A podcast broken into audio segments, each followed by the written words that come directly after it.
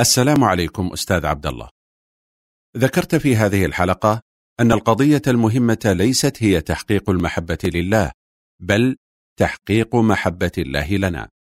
هل هذا يعني أن على المسلم السعي بمحبة الله بغض النظر عما إذا كان هذا السعي نابعا من محبته لله أو فقط الخوف منه؟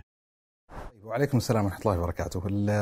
في عبارة أظنها دارجة على ألسنة أهل العلم وكذا وجدتها عند الإمام ابن القيم وعند الحافظ ابن كثير وعند غيرهم يقولون فيها أن الشأن ليس أن تحب وإنما الشأن في أن تحب. فاللي استفز الفقرة اللي يمكن تحدث عنها الأخ الكريم آه، في في حلقة الحب في زمن الحداثة آه، هذه العبارة وهذا الإطلاق. أن يعني هو نوع من أنواع المعالجه للأوزان النسبية لقضيتين، كلتا القضيتين حقيقة مهمة، لكن لا شك أن القضية الثانية وهي محبة الله سبحانه وتعالى للعبد هي الراجحة من جهة الفضيلة والراجح من جهة المقام والراجح من جهة النتيجة والتطلب. ولم يكن بطبيعة الحال مقصودا مطلقا التقرير من شأن محبة العبد لله تبارك وتعالى. بل من المعاني أصلا اللي سربناها في الحلقة أن محبة الله سبحانه وتعالى هي من أجل العبوديات التي تصرف له سبحانه وتعالى. بل نبهنا أنها من اشتراطات المتعلقة بالتوحيد ولذا العلماء أصلا لما يذكرون شروط كلمة الشهادة وكونها مقبولة عند الله سبحانه وتعالى ينبهون إلى إلى جملة من الشروط وأن إذا كانت كلمة التوحيد هي المفتاح الذي يدخل به العبد الجنة فلا بد لهذا المفتاح من أسنان. ويذكرون من أشهر مثلا من نظم الشروط المتعلقة بشهادة الشهادة الحافظ حكمي في معارج القبول في المنظومة المشهورة له سلم الوصول. لما قال العلم واليقين والقبول والانقياد فدر ما أقول الصدق والإخلاص والمحبة وفقك الله لما أحبه. بل حتى أظن من الإشارات اللي ذكرناها في الحلقة قصة أن إن لب العبودية لله سبحانه وتعالى وحقيقتها مرجعها إلى قضية المحبة وإن إذا كان مدركا في اللغة العربية إن معنى العبودية راجع لمعنى الذل وإنه يقال هذه طريق معبدة يعني مذللة فنبهنا إن الشريعة لم تقتصر على مجرد تحقيق الذل لله سبحانه وتعالى ليكون الإنسان عبدا لله عز وجل بل يجب عليه أن يقرن ذلك الذل بقضية المحبة. ولذا الامام ابن القيم في النونيه يقول وعبادة الرحمن غاية حبه مع ذل عابده. هما ركنان وبالتالي عندنا قضية الركن الأول الذل وركن المحبة. ومن الإشارات اللي نبهنا إليها أن حقيقة الذل المستصحف في معنى العبودية لله سبحانه وتعالى هو منبع وناشئ عن قضية المحبة له سبحانه وتعالى. فهي محبة لله سبحانه وتعالى تحتمل العبد على التذلل له تبارك وتعالى. فما كان مقصودا مطلقا لما تذكر هذه العبارة ليس الشأن أن تحب وإنما الشأن أن تحب ليس مقصود التقليل من هذه المقامات. بل هذه المقامات هي التي تستجلب محبة الله سبحانه وتعالى للإنسان وللعبد. لكن مثل ما ذكرنا هو قضية الوزن النسبي أي المقامين يعني يتعلق به الفضيلة أي المقامين يتعلق به نجاة العبد لله سبحانه وتعالى يوم القيامة آه، أي القضيتين الداخلة في دائرة الاختيار يعني الشيء الذي يستطيع الإنسان أن يبذله والشيء النتيجة التي تتطلبها العبد من فضل الله سبحانه وتعالى من رأفته من كمال رحمته سبحانه وتعالى. شيخ عبد الله يشهد الله أني أحبك. سؤالي. بسبب هذه الحيرة الفقهية واختلاف الفتوى من شيخ لآخر بهذه الصورة الموجودة الآن نجد بعض الدعوات لإعادة إلزام الناس بمذهب معين بحيث لا يفتي إلا به فيسلم المجتمع من هذه الحيرة وتكون المعلومة الفقهية أو الحكم الفقهي واحدا عند الناس كلهم. لكون المذاهب منضبطة في الأصول والفروع وثابتة. فما رأيك بهذه الدعوات؟ طيب في البداية أحبك الله الذي أحببتني فيه وأسأل الله عز وجل أن يرضى عنك. السؤال يذكرني بقصة مشهورة يعني موجودة في المدونة التاريخية والمدونة الأصولية وهي قصة جارت بين أبو جعفر المنصور الخليفة العباس المشهور والإمام مالك بن أنس رحمة الله عليه. القصة ليست مطابقة تمام المطابقة أظن لغرض السائل في السؤال لكنها تعبر عن أحد المناطق الأساسية اللي نحتاج أن نعالجها ونحن ندلف إلى جواب هذا السؤال. القصة يعني المشهورة أن أبو جعفر المنصور قدم عرضا كما يقال مغريا لأي فقيه يعني أن أن يلزم الناس بمذهبه وأن طلب منه أو عرض عليه أن يستنسخ كتابه الموطأ وأن يمضى به في الأمصار وأن يلزم الناس بفقه الإمام مالك في ضوء كتابه الموطأ. فالإمام مالك يعني برؤية الفقيه الشرعي الذي يدرك يعني أحكام الله سبحانه وتعالى ومقامات الإلزام المشروعة والإلزام غير المشروع قال يعني العبارات المشهورة أنه قد سبقت الناس أقاويل ورووا روايات وسبقت إليهم أحاديث وأن نزع الناس عما ألفوه أو عاهدوه أو اختاروه شديد فدع الناس وتدين تدينوا به.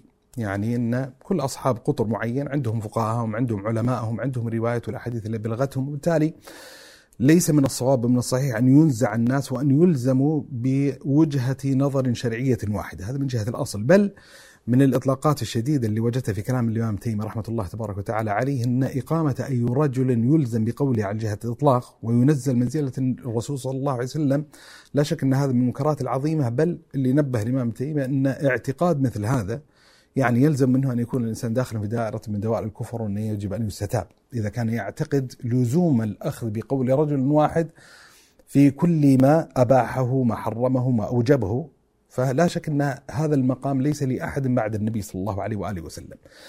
طبعا واضح أن هذه الرواية والقصة ليش قلت أنها مو بالضروره متماسة مع لب السؤال الموجود؟ لأن فيها نوع من أنواع الإلزام العام على مستوى الدولة الإسلامية أو الكيان العام.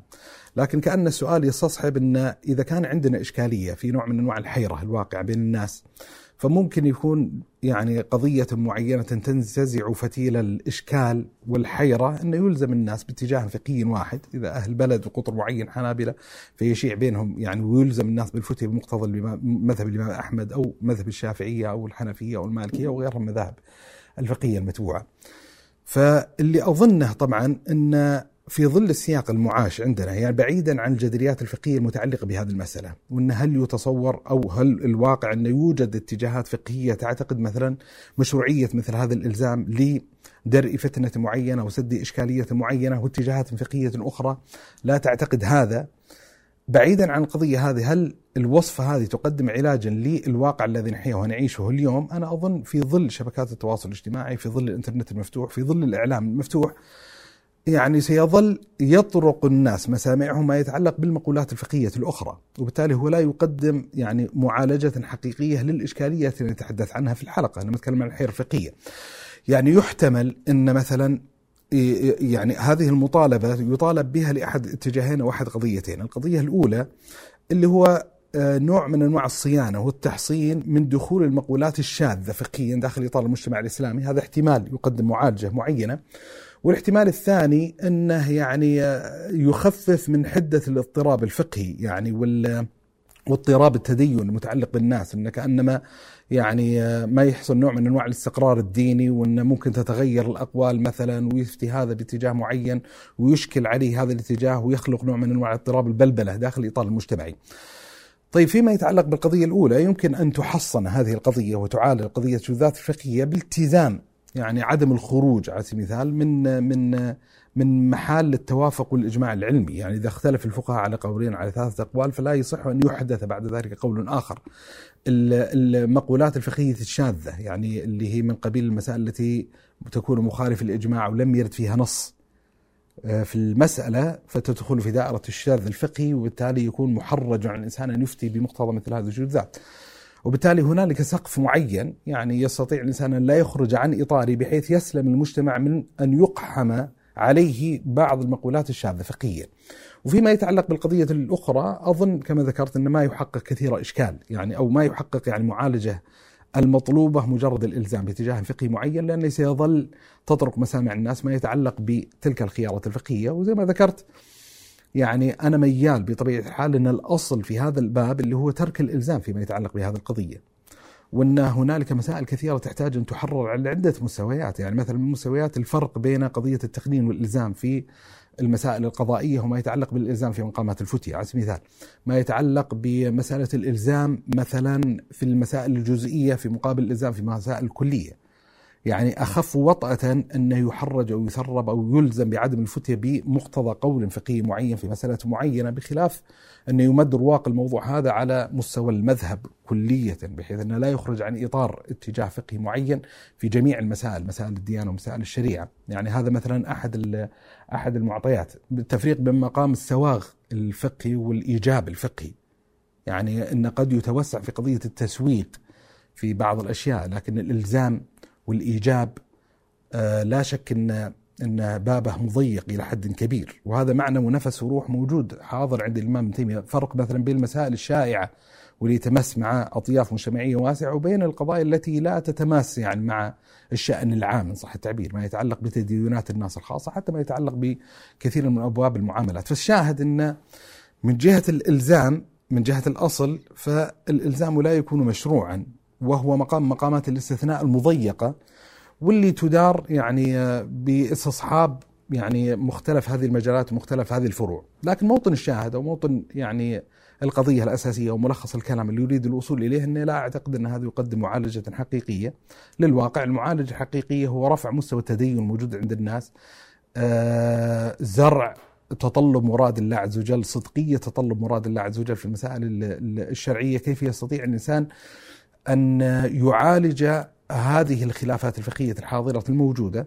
ومن المعاني اللي أشرت لها في الحلقة أن وإن كنت أقر أن وجد نوع من أنواع توطن الفقهي في كثير من أقطار المسلمين لكن حتى في التاريخ الإسلامي وجدت أوطان معينة فيها نوع من أنواع ال ال ال الاشتراكات المذهبية، يعني يوجد داخل أفق المجتمع المذهب الحنفي والمذهب المالكي والمذهب الشافعي والمذهب الحنبلي في بعض المساجد المسلمين وجد في التاريخ الاسلامي إن إمام الحنابل وامام الشافعية وإمام الحنفية وإمام المالكية، قاضي المالكية وقاضي الحنابلة وقاضي الحنفية وقاضي الشافعية، فالشاهد إن التماس الواقع داخل الإطار المذهبي كان قائما موجودا. فالمطلوب من الناس أو المطلوب من كل مسلم أن يدرك كيف يدير عملية الخلاف، كيف يعني يتجاوب مع اصدائه، كيف يستطيع أن يتدين لله سبحانه وتعالى في ظل وجود هذا الخلاف الذي أراد الله سبحانه وتعالى قدرا وكونا أن يكون قائما يعني في في في المجتمعات المسلمة. ومثل ما ذكرت في الحلقة أن لا يتبدى من وجهة النظر يعني أو مقتضى الإرادة الشرعية الدينية أن أن هنالك نوع من أنواع التشوف الضروري بأن ينزع هذا الخلاف بالكلية أو يرفع جملة من الأرض أحيانا إذا سمعت أن الأمر فيه خلاف أصبح متساهلا فيه جدا حتى لو كان الجمهور على قول معين فما الذي يجب علي في هذه الحالة؟ طيب إحنا من الإشارات اللي أظن لو ما خرج الإنسان من الحلقة الحيرة الفقهية اللي بهذه النتيجة فأنا أعتبر ان حققت الحلقة نجاح كبير جدا. وهي ضرورة أن يكون الإنسان صادقا في تطلب مراد الله سبحانه وتعالى. يعني الله سبحانه وتعالى يقول بل الإنسان عن نفسه بصيرة ولا ألقى معاذيرة. الإنسان يعلم من قرارة نفسه هل يريد أن يصيب حكم الله سبحانه وتعالى في المسألة أو أن يصيب شيئا يقتضي تماسا مع منطقة الهوى المتعلقة به. وبالتالي يعني إذا كان الإنسان صادقا في تطلب مراد الله سبحانه وتعالى فهذه صدقية تحتمل العبد على ألا يتساهل في مسألة مسائل الشريعة والديانة لمجرد أن المسألة وقع فيها خلاف. ومن الإشارات اللي نبهنا إليه في الحلقة وأرجو أنا ناسي الحين الحلقة لكن أظن أن نبهنا إليها أن لا يصح اتخاذ الخلاف ذريعة أو رخصة أو حجة للإباحة أو حجة للترخص. الخلاف يعني آه، ليس من موجبات الترخص لا يستطيع الإنسان بمجرد أن يدرك وجود خلاف في المسألة الفقهية أن يقول إذا كانت المسألة من قبيل مسائل الخلاف فيجوز للإنسان أنه يتناول أحد الرأيين ويتخير فيها بحسب هواه أو أنه يستبيح فعل المسألة. وهذه شكوى يعني منقول عن إمام الباجي ومنقول عن الإمام الشاطبي عليه رحمة الله تبارك وتعالى أنهم كانوا يتعرضون لهذه الإشكالية عندما يستفتونهم بعض المسلمين يقول له يعني المستفتي فيجيبه الباجي إذا ما كان خابتني الذاكرة آه، ونقلها الإمام الشاطبي عنه في كتاب الموافقات إن إن يقول وكثير ما يعرض لي في مقامات الفتية أن يأتيني مستفتي فأفتيه برأي معين فيقول هل في المسألة رأي آخر؟ هل فيها قضية أخرى؟ وكأنهم يتوهمون مجرد ورود الرأي الآخر في المسألة يستبيح للإنسان أن يأخذ بذلك الرأي الآخر. فالشاهد أن لا عين الإنسان المسلم على صدقية تطلب مراد الله سبحانه وتعالى فقد يكون مراد الله عز وجل في نفس المسلم في القول الأول أو القول الثاني أو القول الثالث بحسب طبيعة المسألة. وبالتالي يعني آه، هو مطلوب منه أن يبذل الوسع والطاقة والإجتهاد في تطلب مفت يصيب به حكم الله سبحانه وتعالى فإن أصاب حكم الله عز وجل في المسألة فيرجى أن يكون مثابا بأجرين وإن أخطأ اللي هو أجر الإصابة وأجر الاجتهاد وإن أخطأ فالخطأ مغتفر بشرط أن يكون صادقا في مطلب مراد الله عز وجل وأن يبذل الأدوات والوسائل الشرعية للوصول لمراد الله سبحانه وتعالى. وطبعا في ملحوظة يعني أساسية وهذه يعني تحل كثير من الإشكاليات المتعلقة بهذا الباب الاستصحاب كيف يتفاعل الإنسان مع مناطق الخلاف المتعلقة بالشؤون الدنيوية؟ يعني هب أن عرض لك قضيه متعلقة بالمجال الطبي الصحي على سبيل المثال أو في مناطق التجارة على سبيل المثال أو في يعني أي مجال حياتي متعلق بالإنسان ووقع هنالك قدر من الاختلاف في مسألة متعلقة مثل ما ذكرت في المجال الطبي على سبيل المثال. فلن تجد عاقلا راشدا يستبيح لنفسه أن يتخير في هذه المسألة لمجرد موافقة شيء من نزعات الهوى القائمة الموجودة عند نفسه أو أنه يتساهل في المسألة لمجرد وجود خلاف الطبيين في المسألة. لا ستجد هنالك نوع من أنواع الصدقية في تطلب حقيقة الواقع وحقيقة الأمر حتى يستطيع الإنسان أن يتدارك الأمر وأن يعالجه. فنفس القضية المتعلقة بالمسائل الشرعية أن يكون الإنسان صادقا في تطلب مراد الله عز وجل. بل من أجمل الإشارات الموجودة في كلام الإمام الشاطبي أن الشريعة إنما وضعت من أجل إخراج العبد عن داعية هواه ليكون عبدا لله سبحانه وتعالى. وبالتالي جعلوا الخلاف يعني موجبا للتساهل في المسألة الشرعية هو مناقضة لمقصد الشارع. الشارع الشريعة تريد أن تبتليك في معرفة هل ستتابع هواك في المسألة أم تتابع مراد الله سبحانه وتعالى في المسألة. فإذا كنت ستتخذ من الخلاف ذريعة للترخص أو التساهل أو تتخذ منها حجة للاستباحة الفعل فلا شك أنك ستكون متماسا أو متقاطعا بشكل كبير جدا ومتساوقا مع هواك. وهذه يعني مناقضة المقصد الشارع. فيعني هذا ما يتعلق بالقضية. وكون يعني الجمهور موجود على الضفة الأخرى يعني في قول فقهي وأن الإنسان يعني لمجرد وجود قول مخالف لمذهب الجمهور يروح يستبيح الفعل يعني هذا يعني يعاظم الإشكال إلى حد ما لأن آه، كون الجمهور أصلا يتبنون راي فقهيا معينا هذا أحد القرائن اللي نبهنا وأشرنا إليها أن أحد القرائن المرجحة لصوابية القول الذي تبناه الجمهور وإن كان ليس لازما بطبيعة الحال في كل المسائل الشرعية لكنها أحد القرائن المرجحة بحيث أن لو اضطرب وقع الإشكال عند الإنسان المسلم أي القولين فأحد الأدوات المرجحة إذا لم يستبن له مثلا قضية الأعلمية أو أو أو غيرها من الأدوات فمن الأدوات الممتازة جدا قول الأكثرية قول الجمهور العلم في المسألة إذا وجدت تعارضا بين رأي فقهي أو شيء مجمع عليه وبين القرآن الكريم ماذا أفعل؟ مثل عدة آيات تقرر حرية الاعتقاد مع أن الإجماع يقول بقتل المرتد طيب السؤال يحتاج الحقيقة إلى تفكيك عدة يعني عدة جوانب، أول شيء لما يقول أن رأي فقهي يتعارض مع القرآن الكريم، فإمكانية أن تعارض رأي فقهي مع القرآن الكريم وارد، هذا ليس موطن إشكال كبير، لأن عندنا منطقة يعني منطقة آه، بعض الشذات الفقهية قد تكون معارضة للقرآن الكريم. ليست يعني ليست هذه منطقة الإشكال الحقيقية لكن الادعاء والقفز إلى المربع أن ينعقد إجماع العلماء والفقهاء على مسألة شرعية معينة ثم يكون هذا الرأي الفقهي المجمع عليه معارضا للقرآن الكريم لا شك ان إن الإنسان يحتاج أن يتأنى ويتريث وأن يتسم بقدر عال من التواضع العلمي. أنا أظن هذه قضية أساسية. نوع من أنواع التزكية الكبيرة للذات اعتقاد إن هنالك منطقه من مناطق إجماع أهل العلم، بل أنا حتى أقول ما هو أبعد من ذلك، دع الإجماع. لا أتصور مطلقا أن يكون هنالك قول لجمهور الفقهاء ويكون هذا القول لجمهور الفقهاء متعارضا بهذه الفجاجة اللي يتلمسها من السؤال مع القرآن الكريم أو حتى مع سنة النبي صلى الله عليه وآله وسلم. بل أحد القرائن التي تجعل المسألة داخله في مدى في إطار المسائل الاجتهادية التي تكون فضاء لحق مقبول كون جمهور العلماء يعني قد تبنوا مثل هذا الرأي الفقهي، وبالتالي إذا قال الإنسان إن ماذا أفعل في حال تعارض الإجماع مع القرآن الكريم هذا هذا تقرير مشكل جدا الحقيقة ويعبر عن نوع مرتفع جدا من الغرور المعرفي بحيث يشعر الإنسان إن بعد 1400 سنة استطاع أن يسبق لشيء من الحق لم يستبن لأحد من المسلمين بل لم يستبن لعلماء المسلمين. كافة حتى يعني قيض الله سبحانه وتعالى لهذه الأمة رجلا يأتي في القرن الخامس عشر الهجري لينبه المسلمين إلى خطأ. ال 1400 سنة الماضية وأن بحمد الله سبحانه وتعالى وفقه الله عز وجل وهداه واستصلحه الله عز وجل ليصيب الحق في هذه المسألة الشرعية. يعني أنا اللي يؤلمي في هذا السؤال أنه لا يتضمن فقط يعني مثل هذه التقريرات تجهيلا لعلماء الأمة كافة بل استحماقا لهم.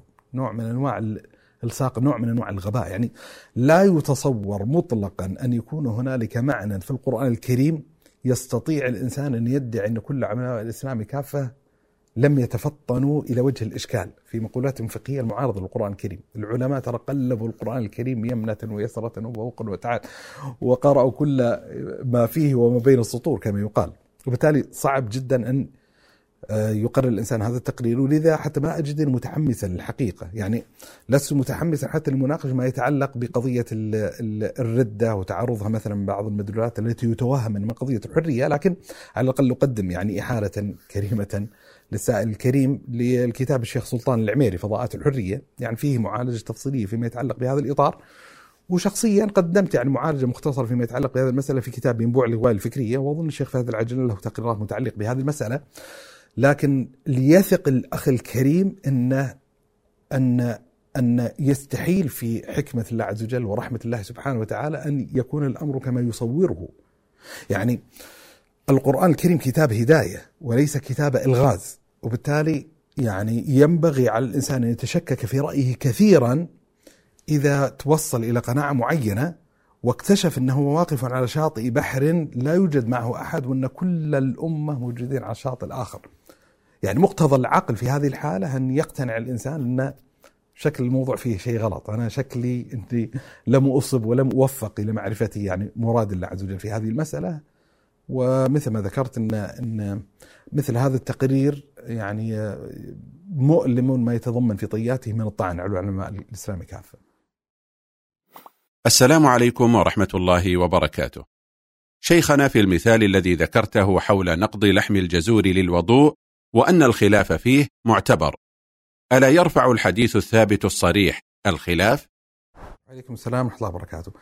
يعني مثل ما ذكرت في السؤال قبل قليل اللي هو قصة ضرورة احترام قول جمهور العلماء. أن أن جمهور العلماء إذا اختاروا قولا فقهيا فينبغي على الإنسان كذلك أن يتسم بقدر من التواضع العلمي ولا يتصور أن هذه المسألة يعني من المسائل التي التي يعني يعني يكون فيها نص صريح كما يقال في المسألة ومع ذلك لم يوفق جمهور علماء الأمة إلى عدم وضع اليد على مثل هذا النص المحكم البين القطعي.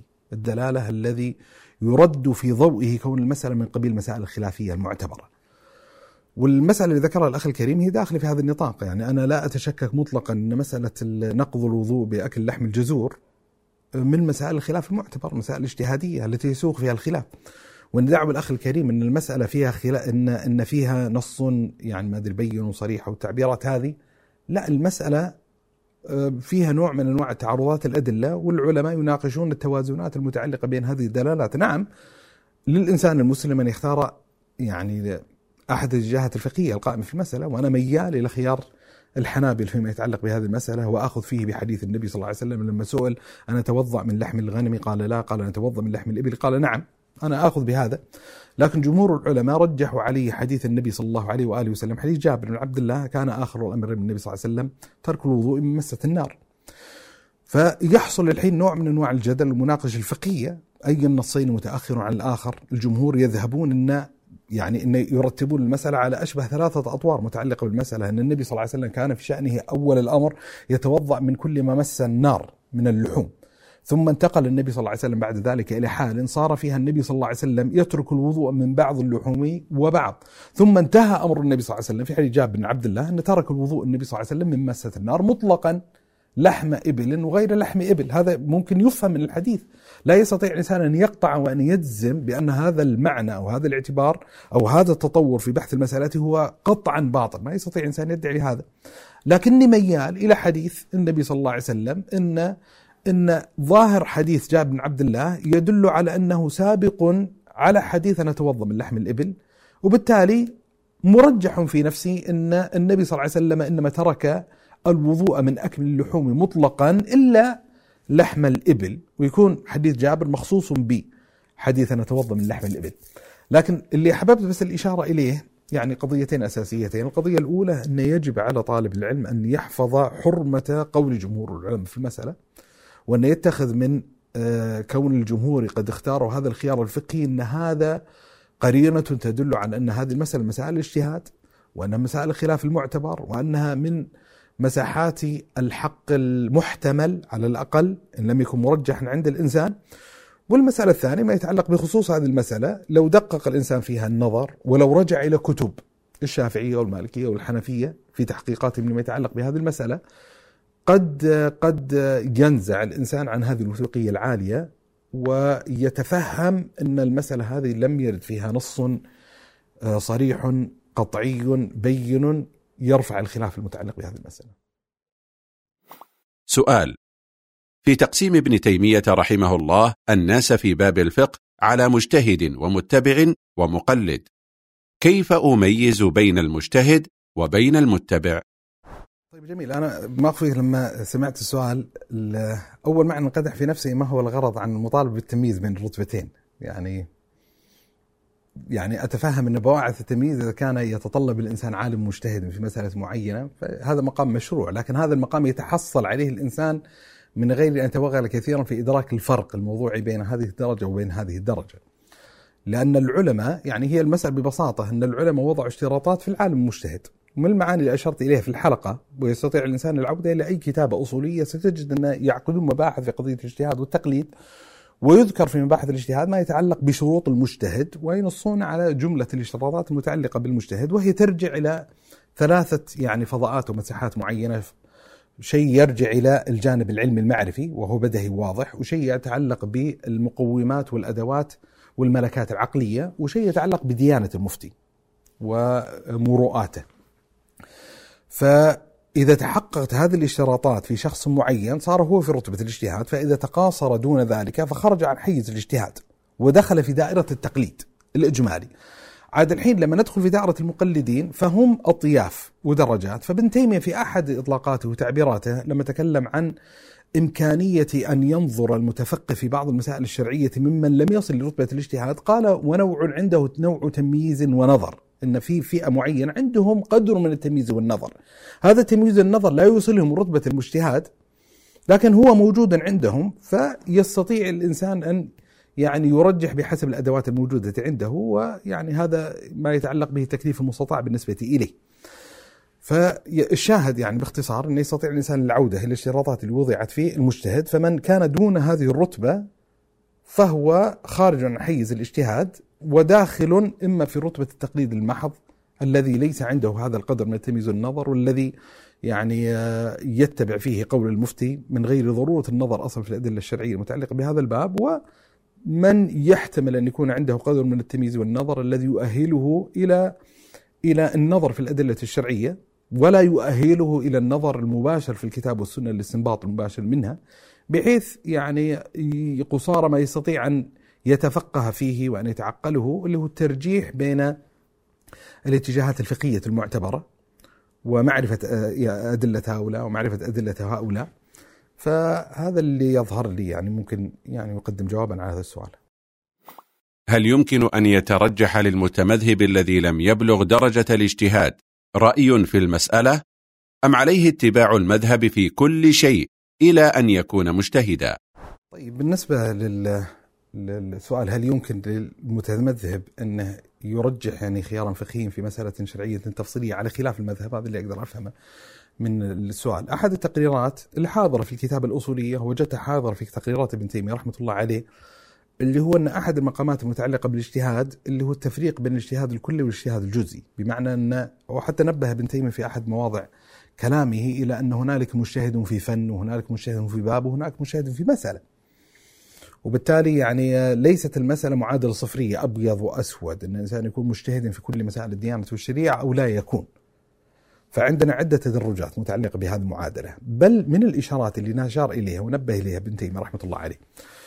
وبحث المسألة صراحة قال لو قدر أن يعني طالب علم عرض له في أثناء تقريره أو قراءته أدلة تعارض الاتجاه الفقهي الذي يتبناه. هو معتاد على الأخذ بمذهبه في تقريراته الفقهية لكن وجد دليلا معارضا لتقرير الفقهي القائم موجود عنده. فما الذي يفعله في هذه الحالة؟ فابن تيمية عن طريق السبر والتقديم يقول لا يخلو الأمر من حالتين إما أن يدع الدليل الشرعي الذي ظهر له رجحانه ومعارضته لمذهبه تمسكا بمذهبه أو يدع المذهب متابعة لذلك الدليل الشرعي. هذه الاحتمالات القائمة موجودة. فقال فإذا أخذ بمذهبه وترك الدليل الشرعي فإنما استمر على عادة له ومثل هذه العادة يعني ليس يعني مصطبغة بمعنى المعاني الشرعية يعني ما هو الموجب يعني ليس معنى مشروعا. يقول بخلاف إذا أخذ بالدليل الشرعي فحقيقة الأمر أنه لم يأخذ به إلا وقد وافق عالما من العلماء أخذ بذلك الرأي الشرعي الآخر ويعني وترك مذهبه فيكون النص سالما من المعارضة. يعني صار الحين على الأقل أخذ بالنص الشرعي وصار يتبناه مع عدم قيام معنى معارض في نفسه لهذا النص الشرعي إلا معارضة المذهب له ومعارضة المذهب له من حيث هو ليس موجبا لترك النص الشرعي. طبعا ابن تيمية مستحضر إشكالية تورد في مثل هذا المقام أن طيب هذا الإنسان ليس متأهلا لتمام النظر والإجتهاد في هذه المسألة. ولذا حتى عبر أذكر في أحد المواضع بتعبير فيه قدر من نوع الضعف قال وإنما تنزلنا هذا التنزل لإدراك هذا المعنى وقصارى يعني ما يخاطب به العبد من جنس قول الله سبحانه وتعالى فاتقوا الله ما استطعتم يعني أنا أشبه الموضوع أن الإنسان الآن إذا عرض له شيء من سنة النبي صلى الله عليه وآله وسلم مما يعارض المذهب الذي يتبناه في مسألة شرعية فأنا أدعي أن جمهور طلبة العلم الذي. الذي يقعون في مثل هذه الحالة ينقدح في نفوسهم معنى من معاني الترجيح إما ترجيح المذهبي أو ترجيح. ذلك الدليل المعارض لا يستطيع أن يدفعونه عن أنفسهم. يعني هو الحين صحيح فاهم آه، المذهب وعارف شنو دليل المذهب متعلق ووجد دليلا معارضا فإما أن يقوى في نفسه دليل المذهبي ويكون صادقا مطمئنا إلى رجحان دليل المذهب عن مخالفه فهذه الصورة تكون واضحة بالنسبة له أو يكون الدليل المعارض راجحا في نفسه وهذا المعنى يترجح في نفسه هو لا يستطيع أن يدفعه هو كالشأن الضروري. هو مثل ما الإنسان واقف مثلا تحت ضوء الشمس لا يستطيع أن يدفع عن نفسه الإيمان الضروري بأن أو الاعتقاد الضروري بأن هنالك شمس في السماء. ما يستطيع أن يدفع هذا المعنى عن نفسه. طيب هذا الإنسان اللي انقطع في هذا المعنى هل يصح له الاعتذار بين يدي الله تبارك وتعالى يوم القيامة؟ عبدي بلغك حديث النبي صلى الله عليه وسلم الفلاني لماذا لم تأخذ به؟ فهل يصح الاعتذار في هذه الحالة؟ أنني تقاصرت عن رتبة الاجتهاد ولست مؤهل للنظر ولعل عالم المذهب أو لعل علماء المذهب عندهم من الأدلة ما يعارض هذا الحديث الذي بلغني. هل يصح مثل هذا الاعتذار؟ أم قصار ما يمكن للإنسان أن يعتذر به في هذه الحالة؟ أن يقول إنما أخذت بقول النبي صلى الله عليه وسلم لأن هذا هو غاية الجهد والطاقة والوسع الذي يمكنني أن أبذله. فالذي يترجح في نفسي وهذا تقرير أجده حاضرا جدا في كلام الإمام ابن تيمية رحمة الله وتلميذ ابن القيم. يعني ابن القيم عقد مبحثا مطولا في مناظرة عقدها بين مقلد يعني مع مقلد في أعلام الموقعين وله كلام كذلك في مدارس السالكين. بل حتى أحد المقامات أنه كان يناظر يعني ابن, ابن القيم يقول كنت أناظر أحد مقلدة المذاهب فأوردت عليه أوردت عليه قلت له لو قدر أن النبي صلى الله عليه وآله وسلم قد كافحك بهذا الخبر. الآن أنت لا تأخذ به. كافحك النبي صلى الله عليه وسلم بهذا الخبر. هل ترى أنه يسوغ لك عدم الأخذ به؟ قال لا وقد كافحني به. يعني مجرد تلقي عن النبي صلى الله عليه وسلم واضح أنه يجب أن يلتزم بقوله. قال له ابن القيم فما الذي تغير الآن؟ فما الذي تغير الآن؟ يعني أنت الحين قصار الأمر تقول إن إني لو ضمنت أن النبي صلى الله عليه وسلم قد قال هذا الكلام للزم الأخذ به. فهل الشبهة عندك في صحة وثبوت هذا التقرير؟ ولا يقوم في نفسك معارضة أن احتمال أن في معناه شيء معين. فقال لا لو ثبت عندي أن النبي صلى الله عليه وسلم أمر بهذا الأمر لأخذت به. فيقول ابن القيم فما الذي تغير الآن؟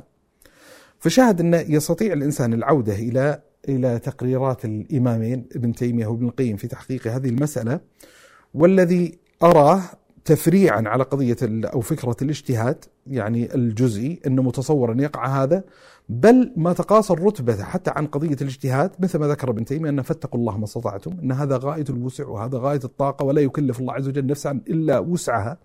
أما العالم المجتهد هذا واضح طريقة بطبيعة الحال أنه لا يسوغ له بحال أن يترك رأيه الذي بذل فيه وسعه وطاقته واجتهاد تقليدا لغيره وإنما يسوغ المجتهد أن يقلد غيره متى ما تكافت الأدلة في نظره على سبيل المثال أو تضايق الزمن عن قضية الاجتهاد أما وقد اجتهد و انقدع في نفسه الحق على خلاف التقرير اللي اللي موجود فلا يصح لها أن يتنازل عن قوله لقول آخر هذه قضية واضحة ومن المسائل الجيد التنبه لها والإشارة اللي هو التفاوت في رتب المسائل الشرعية.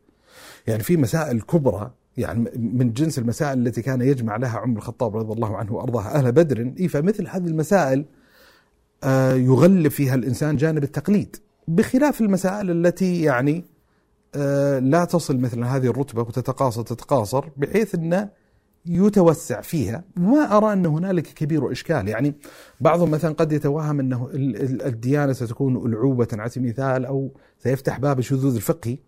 فنقول إذا كان الإنسان صادقا في تطلب مراد الله عز وجل فهو الضمانة لقضية سلامة التدين. هذا من جهة معينة. وقضية الشذوذ الفقهي نستطيع أن نحصنها من خلال ألا يخرج الإنسان من مظلة وعن عباية وعن وعاء أهل العلم.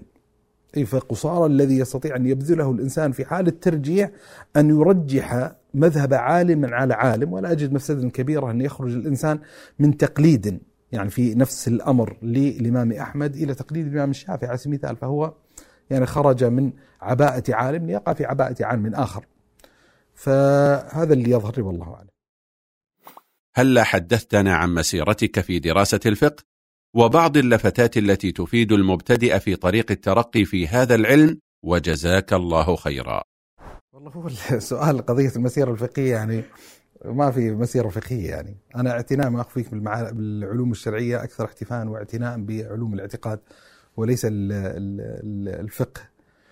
وإن كان الحال بطبيعة الحال كأي طالب علم أنه حضر دروسا علمية متعلقة بمجال الفقه وكذلك حضر وقرأ يعني ما يتعلق بكثير من مدونات الكتب الفقهية. لكني يعني إنما أحرص على تقديم إجابة لهذا السؤال حتى يتلافى الإنسان بعض الإشكاليات وبعض العيوب ممكن اللي وقع فيها. بحيث يعني وأنا أجدها الحقيقة يعني هي مجرد تعبير عن نزعة تاريخية أكثر من حكاية إشكالية قائمة وحاضرة وموجودة إلى اليوم، وإن كان ممكن في جيوب موجودة الإشكالية لا زالت قائمة، لكن أعتقد إن هنالك جملة من التصحيحات في مسيرة التفقه في حياة المعاصر اليوم بحيث إن كثير من المدارس الفقهية القائمة اليوم والتعليم الفقهي القائم اليوم يتلافى كثير من العيوب والإشكاليات اللي وقعنا فيها أو وقع فيها كثير من أبناء جيل على الأقل. يعني أنا نشأت طبعا في سياق كان يعظم فيه القول جدا فيما يتعلق بفقه الدليل على سبيل المثال وما يتعلق بالقول الراجح وغيرها من المعطيات. والحقيقة أن هذه يعني خلقت نزعات متنوعة في نزعات إيجابية في تعظيم الدليل الشرعي وتعظيم ما يتعلق بالسنة النبوية وتعليق يعني تعظيم ما يتعلق بتطلب الحق في المسائل الشرعية وتطلب مراد الله عز وجل. هذه معاني أعتقد أن معاني إيمانية كانت جميلة وحسنة. وجزء من الإشكاليات أظن يعني اللي, اللي, اللي نشأ في ذلك السياق أنها ردة فعل لبعض مظاهر التعصب المذهبي اللي كانت قائمة موجودة.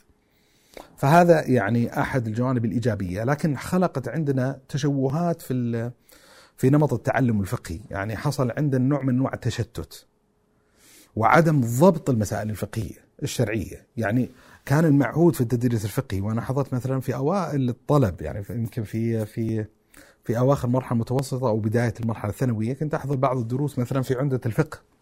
وعمده الفقه يعتبر أحد الكتب الأولية في فقه مذهب الحنابلة. وطبعا إنما كان يتخذ من هذا المتن الفقهي من المذهب أشبه الفهرسة المسائل الفقهية من غير ما يكون هنالك احتفاء حقيقي بالاختيارات الفقهية المذهبية.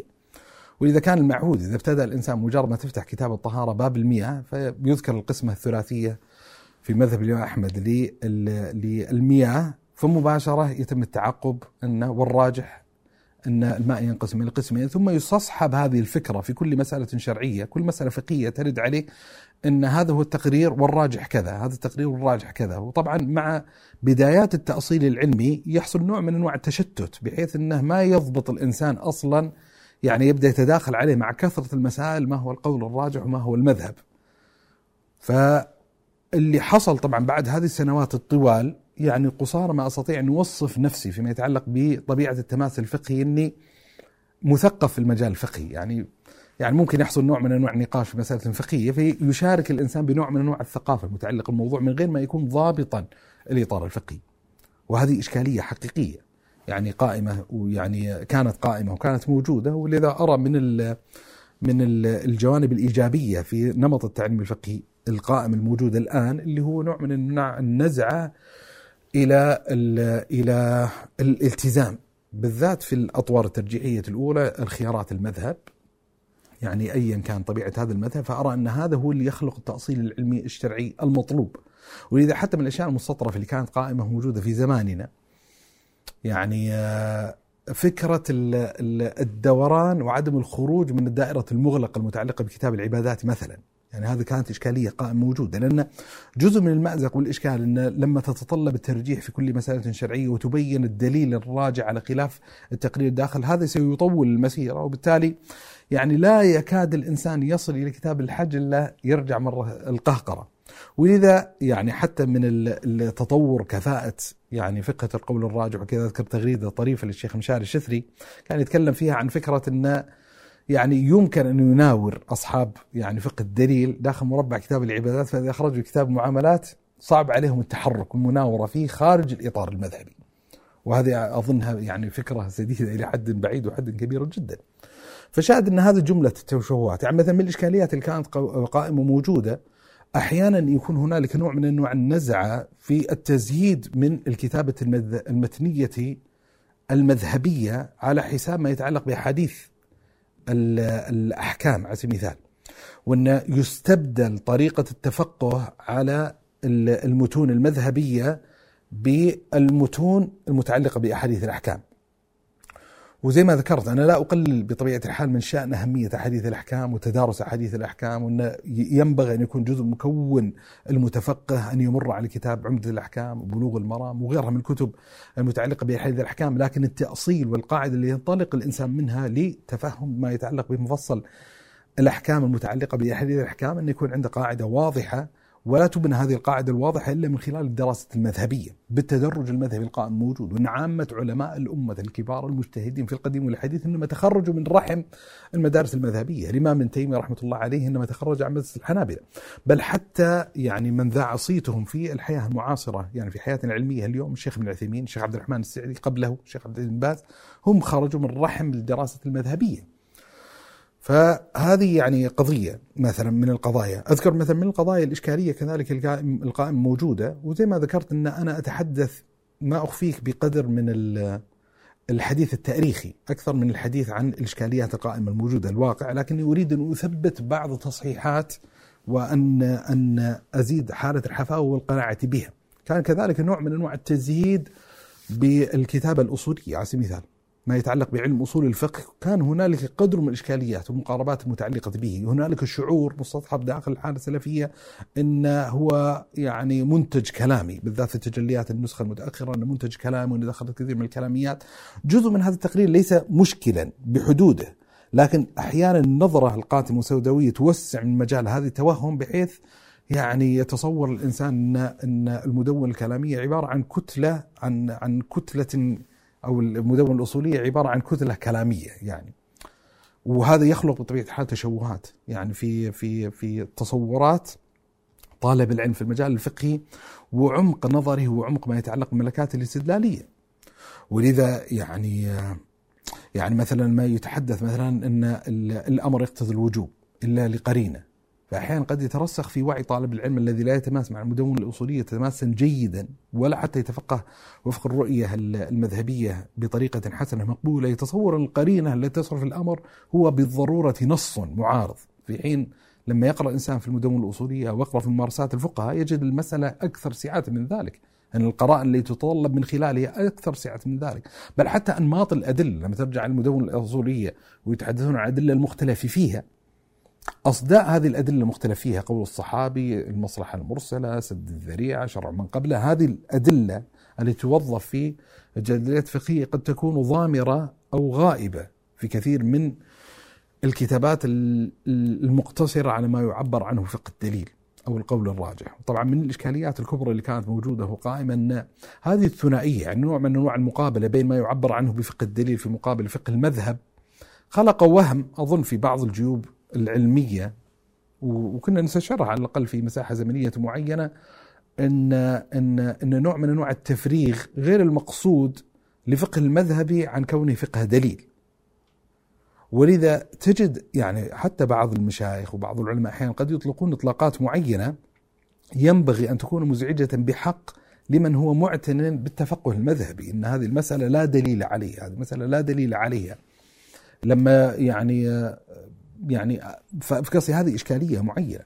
وطبعا كانت تعزز هذه النزعة. أذكر من الكتب اللي كانت محل المدارسة والقراءة والمذاكرة يعني بين الأقران في زمن الماض اللي هو كتاب مثلا الشيخ محمد عيد عباسي بدعة تعصب المذهبي على سبيل المثال.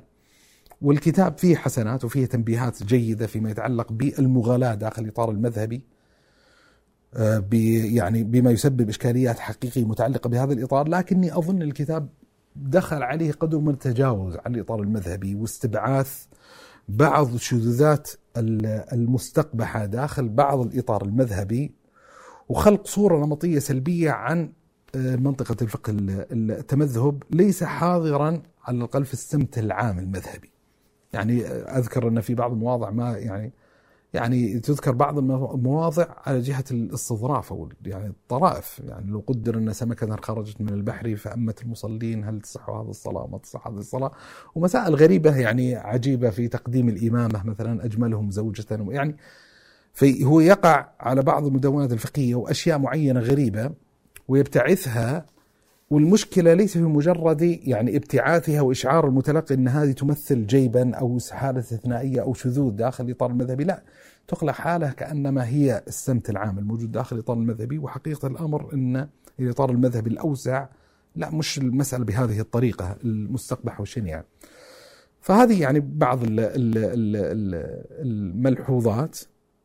ولذا اللي يؤكد عليه على الأقل يعني بالذات في ظل الحديث السابق عن قضية الترجيح خارج إطار المذهب وكذا فيما يتعلق بتدين وتعبد الإنسان الذاتي أن بوابة التفقه الحقيقية إنما تمر عبر بوابة التمذهب بمعنى أن يتخذ الإنسان يعني هذا القدر لا ينبغي أن يكون محل تنازع أظنه اللي هو قصة أن طريق التفقه إنما يعني آه، هو باتخاذ التراتيب العلمية المعهودة داخل الإطارات المذهبية وأن هذا القدر ليس مستشكلا اتخاذ المذاهب نوع من أنواع الترتيب العلمي.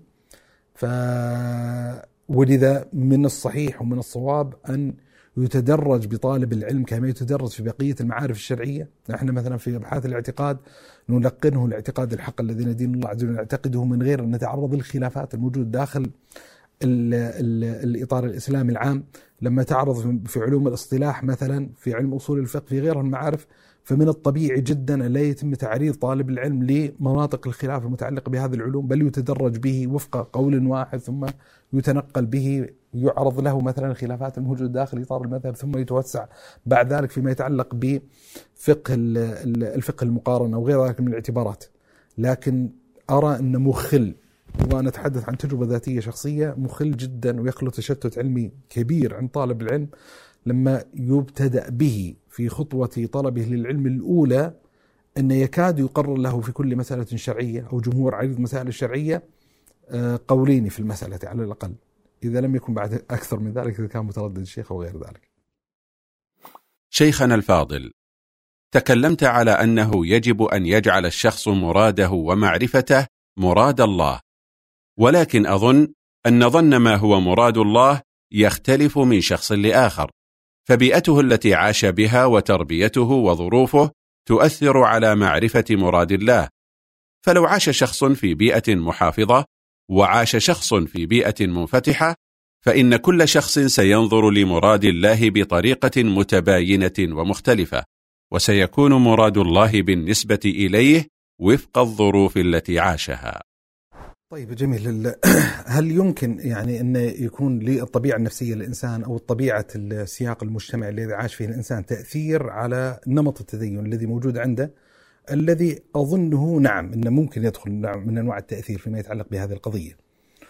ولذا العلماء أصلا تكلموا في هذه المسألة يعني من قديم في مثلا ما يتعلق بالطبيعة النفسية للعالم واثر في طبيعة الخيارات الفقهية القائمه الموجودة عنده. يعني مثل من مشهور المأثورات عن أبو جعفر المنصور لما طلب من احدهم ان يجمع الفقه فقال له وجنبني تشددات عبد الله بن عمر وترخصات ابن عباس. وابن القيم كذلك في زاد المعاد أشار إشارة فيما خصوص ما يتعلق بهذه القضية.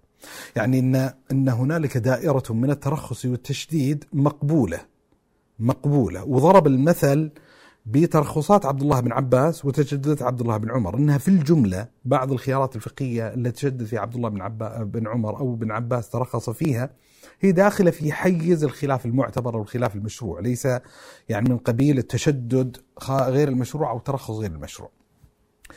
هذا جانب يعني من الجيد استصحابه ويستطيع الإنسان أن يعمم في أفق أوسع أن المسألة ليست عائدة لمجرد طبيعة الإنسان الشخصية بل إلفه لقول معين أو سياق المجتمع اللي عاش فيه الإنسان قد يحتمله على على على على يعني أن يتدين ويترجح له مقولات فقهية معينة قد لو قدر له عاش في سياق آخر قد لا يكون ميالا تلك الخيارات الأخرى. فهذا القدر ليس مستشكلا. اللي يهمنا هنا الحين كيف يقدم الإنسان المعالجة لأن جزء من هذه الإشكالية يعني يحتاج الإنسان يكون واعيا بها. إن ليس مجرد إلف قول معين يجعل هذا القول حق أو يجعله قولا مشروعا يتدين به الإنسان. طيب كيف يستطيع الإنسان أن يضمن الآن أنه ليس راضخا واقعا تحت طبيعته النفسية أو طبيعة السياق المجتمع العايش فيه؟ فهو الحل والمعالجة في قضيتين أساسيتين. يعني حتى مستصحبا من قضية الإخلاص وقضية المتابعة قضية صدقيته مع الله سبحانه وتعالى في تظل مراد الله سبحانه وتعالى الذي يحتمل على تطلب الأدوات الشرعية للتوصل لمراد الله سبحانه وتعالى.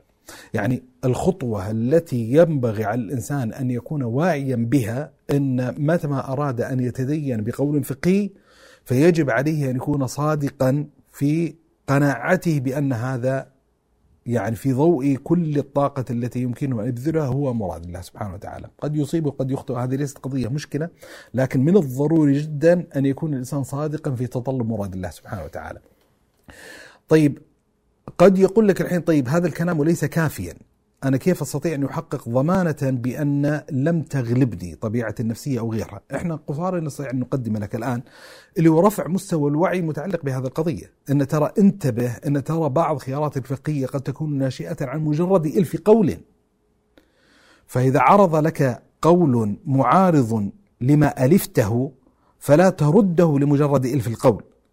بل إذا كنت صادقا في تطلب مراد الله سبحانه وتعالى فتنظر إليه وتتعامل معه وفق يعني الأدوات الشرعية التي يتطلبها المقام في ذلك، ولذا يعني أحد المعايير التي يستطيع الإنسان أن يقيمها في صدقيته في تطلب مراد الله سبحانه وتعالى أن أن يطلع على طبيعة الأدوات التي استخدمها للتوصل لمراد الله سبحانه وتعالى.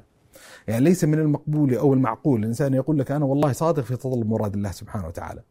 ثم لم يبذل وسعه وطاقته الحقيقي في تطلب مفت يفضي به إلى حكم الله سبحانه وتعالى، وإذا وقع خلاف في مسألة وتعرض هو لإدراك خلاف المسألة لم يتطلب أدوات شرعية صحيحة في الترجيح بين هذه المقولات الفقهية.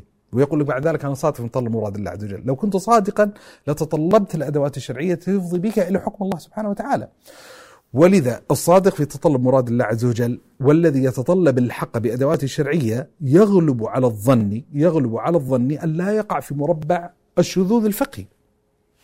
وبالتالي يعني قصار الأمر أن أن أن سيكون باذلا لوسعه وطاقته في تطلب مراد الله عز وجل في مسألة استخدم أدوات شرعية فغالب شأنه سيكون واقعا في قول لإمام معتبر في المسألة وهذا ليس محل إشكال.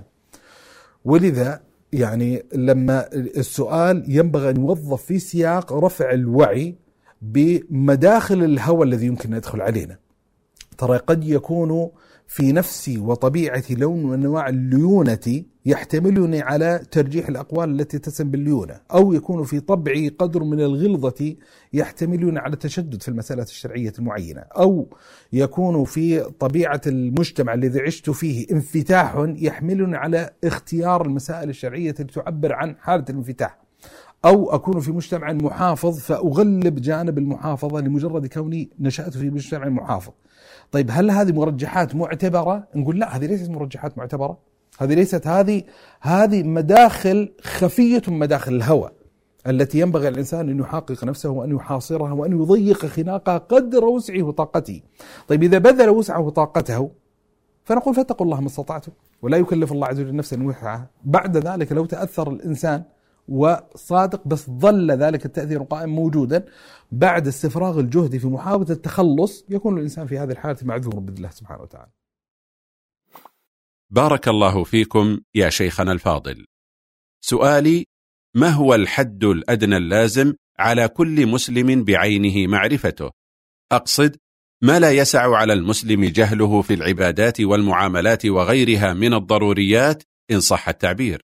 وجزاكم الله خيرا. طيب من التقريرات يعني المشهورة المتداولة داخل الوسط العلمي اللي هو تقسيم العلوم المعارف الشرعية لقسمين ما كان من قبيل الفروض العينية وما قبيل الفروض الكفائية. والفروض الكفائية يعني آه، قد تكون مستحبة في حق الإنسان المعين لكن المقصود بالفرض الكفائي أن لابد أن الأمة تصون هذا العلم وتحفظه من قضية الضياع. والسؤال طبعا يركز على المنطقة الأولى ما يتعلق بما يتعين على الإنسان المسلم أن يعرفه من أحكام الشريعة.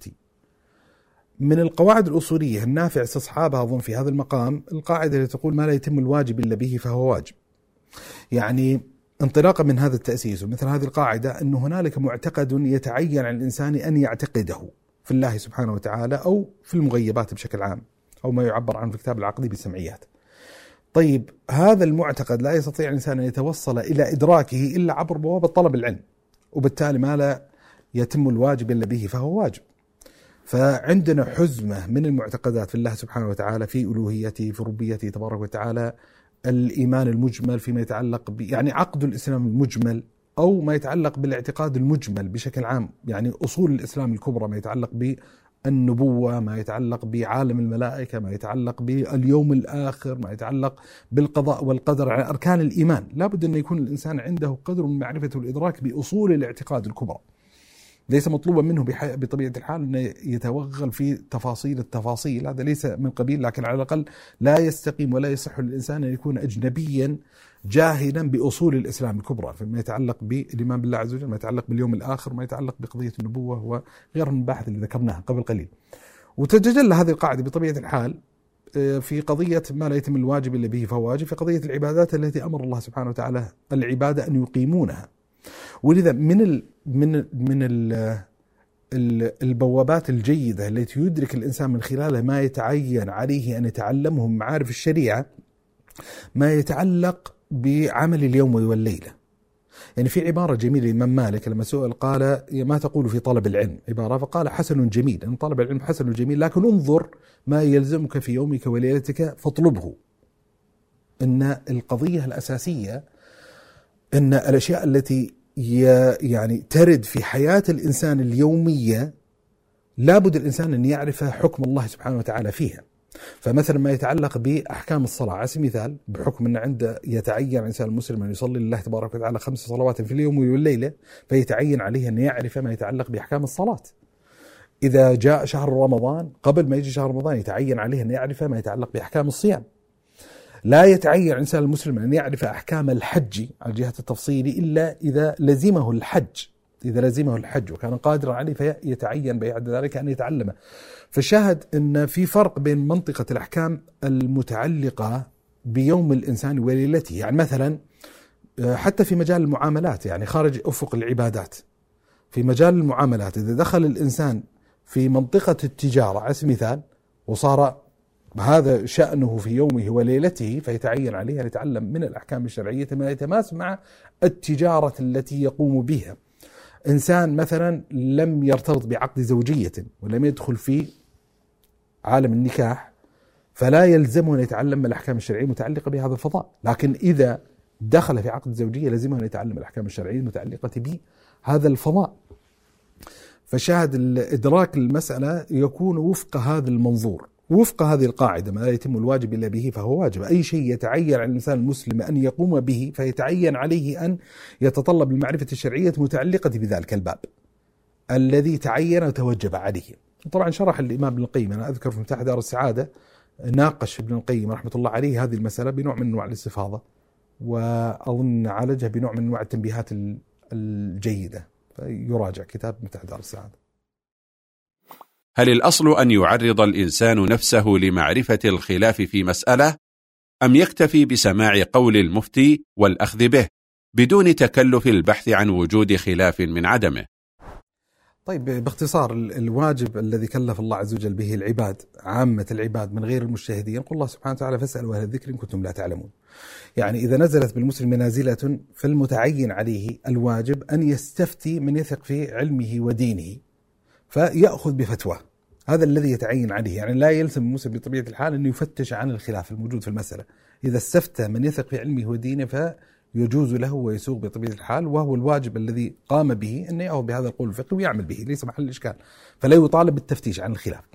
لكن الحلقة لما ناقشنا الحيرة الفقهية أن في ظل العالم المفتوح في ظل الإعلام آه الذي يستطيع الإنسان من خلاله أن يطلع على الخلافات الموجودة داخل إطار الفقهي صار الإنسان الحين متعرضا لحزب المسائل الخلافية.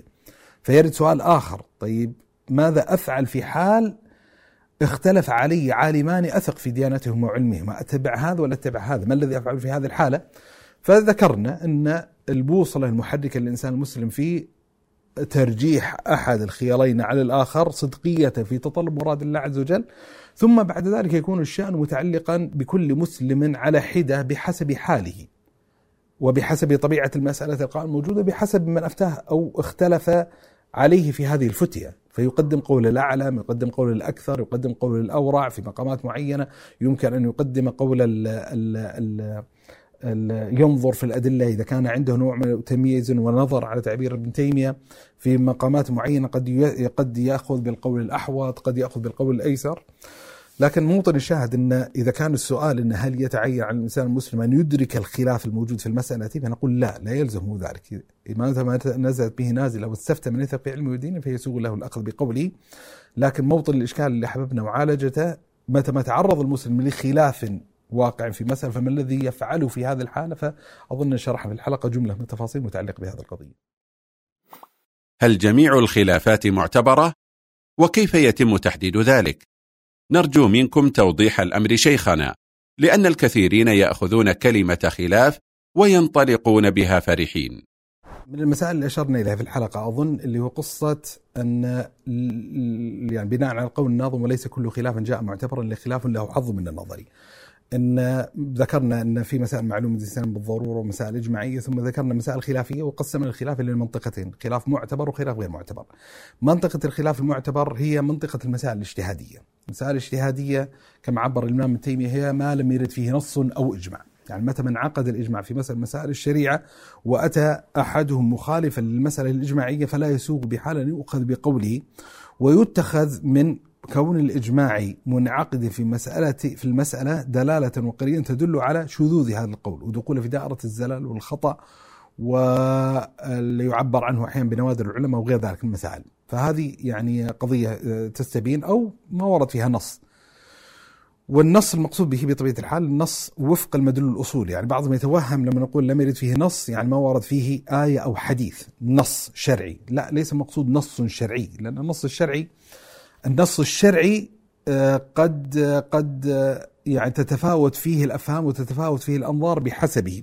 ولذا لما يتحدثون الأصوليين عن مدلول كلمة النص هو ما لا يحتمل فهما آخر أو رأيا آخر إن لا يحتمل إلا معنى واحد. إن مدلول يعني لما يتحدث عن قضية القطعية فعندنا قطعية على مستوى الثبوت وعندنا قطعية على مستوى الدلالة. القطعية على مستوى الدلالة مساوية للنص. وفي طبعا تفصيلات متعلقة في كيفية الوصول إلى هذه الدلالة القطعية. أن قد يكون النص من حيث هو دالا قطعا وقد يكون السياق أو مجموع النصوص تدل على إرادة هذا المعنى على جهة القطعية. فالشاهد إذا ورد في المسألة نص قطعي أو إجماع فيدخل في حيز المسائل الاجتهادية أو الخلاف المعتبر وإذا لم يكن الأمر كذلك دخل في حيز الخلاف غير المعتبر. جيد. الإمام الشاطبي رحمة الله عليه في كتاب الموافقات يعني أحب أن يقرب مدلول الخلاف غير المعتبر أو الخلاف الشاذ لمن لم يكن من أهل الاجتهاد لأن أهل النظر والاجتهاد يستطيعون أن يدركوا بأدوات الاجتهاد منطقة الخلاف المعتبر وغير المعتبر لكن العام كيف يستطيع أن يدرك هذا؟ فمن الضوابط حتى عبر بهذا التعبير أن له ضابطا تقريبيا له ضابط تقريبي. إيش الضابط التقريبي؟ إن ما كان من قبيل خلل أو الزلل العلماء قليل جدا في الشريعة ولا يكاد يوافقهم عليه غيرهم من أهل العلم. فيقول لك الشاطبي فإذا وجدت عالما زين اختار قولا ووجدت كافة العلماء المجتهدين على القول الآخر فليكن ثقتك بأن الحق مع الكافة من المجتهدين لا المقلدين. يعني هو حتى المعيار لطيف ذكر الشاطبي التنبيه أن ليس صوابية القول مجرد شيوعه داخل الأفق الاجتماعي العام في دائرة المقلدين لا هو المعيار المحكم في هذا الباب اللي هو العلماء المجتهدين. وبالتالي هذه أحد المعايير التي يدرك الإنسان من خلالها الأقوال الشاذة. ترى الأقوال الشاذة ليست أقوال شائعة داخل الأفق الفقهي بحيث أن تجد كثرة كاثرة من أهل العلم في التاريخ الإسلامي بالذات نتكلم في كتاب التراثية يتبنون هذا القول. لا الغالب أن لا يكاد يساعد يعني الواحد منهم بال يعني اثنين أو الثلاثة في مقابل جماعات متكاثرة متواترة من أهل العلم. فالمفترض أن يكون قناعة الإنسان أن الحق موجود في هذه الحزمة وليس موجود عند هذا المتبني لهذه الرؤية الشاذة وطبعا يعني تعليقا على الآخر وأظن نبهنا وأشرنا إليه أن لا يصح من اتخاذ من الخلاف ذريعة للإباحة فاللي يعني إذا إذا صدق الأخ في التوصيف الحالة أن بعضهم يتعلق بمجرد وجود الخلاف فرحا به للاستباحة نقول لا هذه ترى تدخل الإنسان في منطقة مناطق الإشكال الديني والشرعي وأن مجرد الخلاف ليس موجبا للترخص أو الإباحة أو غير ذلك من المعاني الشرعية. ما هي الأسباب التي تفضي إلى وجود خلاف في مسائل الفقه بين أهل العلم لا سيما في الوقت المعاصر؟ وجزاكم الله خيرا. طيب جميل السؤال هذا وسؤال مهم لأن أحد مناطق التوتر الموجودة عند كثير من الناس اللي هو منطقة وجود يعني الخلاف والأسباب اللي ابتعثت العلماء على وجود الخلاف ويحصل نوع من أنواع التذمر فإذا طلع الإنسان على الأسباب اللي أوجبت وقوع هذا الخلاف اكتشف أن هنالك معاملات موضوعية أوجبت حصول هذا الخلاف. والعلماء في القديم والحديث تكلموا في مؤلفات مفردة فيما يتعلق بتفصيل ما يتعلق بالأسباب اللي أوجبت الخلاف. يعني من الكتب اللي استحضر في هذا السياق كتاب اسمه الإنصاف في التنبيه على الأسباب اللي أوجبت الاختلاف لابن سيد البطليوسي في كتاب الإمام ابن تيمية المشهور جدا وعنوانه مطرب وجميل ومعبر رفع الملام عن الأئمة الأعلام. في كتاب لولي الدين الدهلوي كتاب الإنصاف آه، في بيان الأسباب آه، أسباب الخلاف. الشيخ محمد بن صالح العثيمين له رسالة مشهورة في الخلاف وموقفنا منه. يمكن الإنسان وهي من يعني مرجع يعني مختصر وجميل ولطيف يستطيع الإنسان أن يرجع إلى هذه المراجع حتى يدرك الإنسان يعني ما هي الأسباب اللي أوجبت الخلاف الواقع بين أهل العلم؟ وهي اجمالا يعني أنا بدي بس ألخص الجواب وإلا الأصل إنه ممكن تعقد حلقة كاملة ويلقى محاضرة فيما يتعلق ويمثل لكل سبب من الأسباب لكنها تعود إلى مناطق أساسية. يعني في منطقة يعني منطقة الثبوت إن في إشكاليات معينة في منطقة الثبوت تستوجب وجود الخلاف، بعدين عندنا منطقة الفهم، وعندنا منطقة التعارض الواقع بين النصوص الشرعية، وعندنا منطقه في بعض القواعد قواعد النظر قواعد الاستدلال قد تؤثر في النظر الفقهي. فشاهد إن مثلا إن بسبب الخلاف إن قد لا يصل النص الشرعي مثلا لعالم العلماء حديث لا يصله على سبيل المثال أو يصله النص الشرعي وينساه أو يصله على وجه لا يثبت على سبيل المثال. وبعدين يأتي إلى قضية الدلالة إن قد لا يفهم العالم من هذا الحديث أو تلك الآية آه، الفهم الذي فهمه العالم الآخر على سبيل المثال. عندنا منطقة التعارض بين النصوص يعني مثلا إما التعرضات المتعلقة بين يعني العام والخاص المطلق والمقيد بالذات الناسخ والمنسوخ. آه، وأوجه الجمع مثلا بين النصوص الشرعية على سبيل المثال. آه، وزي ما ذكرت أن بعض القواعد على سبيل المثال يعني رجع الإنسان المدون الأصولية سيكتشف أنه الخلاف طويل بين أهل العلم في دلالة الأمر على سبيل المثال. هل الأصل في الأمر ما هو الأصل في الأمر؟ هل يقتضي الوجوب؟ ولا يقتضي الاستحباب ولا يقتضي الإباحة. يعني في في جذريات في عند الأصوليين فيما يتعلق بهذه المسألة متعددة وبالتالي هذه تؤثر. بالإضافة طبعا إلى معامل آخر يحتاج الانسان يلاحظه ويراعيه إن العلماء في نهاية المطاف هم بشر يتأثرون ويتعرضون لما يتعرض له البشر. وبالتالي يعني هل يمكن أن أن أن يقع من العالم مخالفة لإشكاليات عائدة إلى الطبيعة والاعتبارات الإنسانية البشرية نقول نعم. فالشاهد يعني خلاص الكلام الجواب عن السؤال لو أراد الإنسان أن يوفيه حقه سيطول الكلام جدا لكن لا أقل من التنبيه والإشارة إلى أهم المراجع المتعلقة بهذه القضية. ما مدى موضوعية جملة خروجا من الخلاف؟ هل علي متى ما علمت بوجود الخلاف أن آخذ بالأحوط؟ أم يسوغ لي الأخذ بخلاف الأحوط دون الشعور بالذنب مع العلم بأني من العوام غير محيط بأدلة الأقوال والترجيح بينها. فكرة الخروج من الخلاف هو في الجملة داخل في باب من أبواب الورع. يعني هو المجال التزكوي الإيماني المرتبط بهذا السؤال إلى حد ما ما يتعلق بمقامات الورع.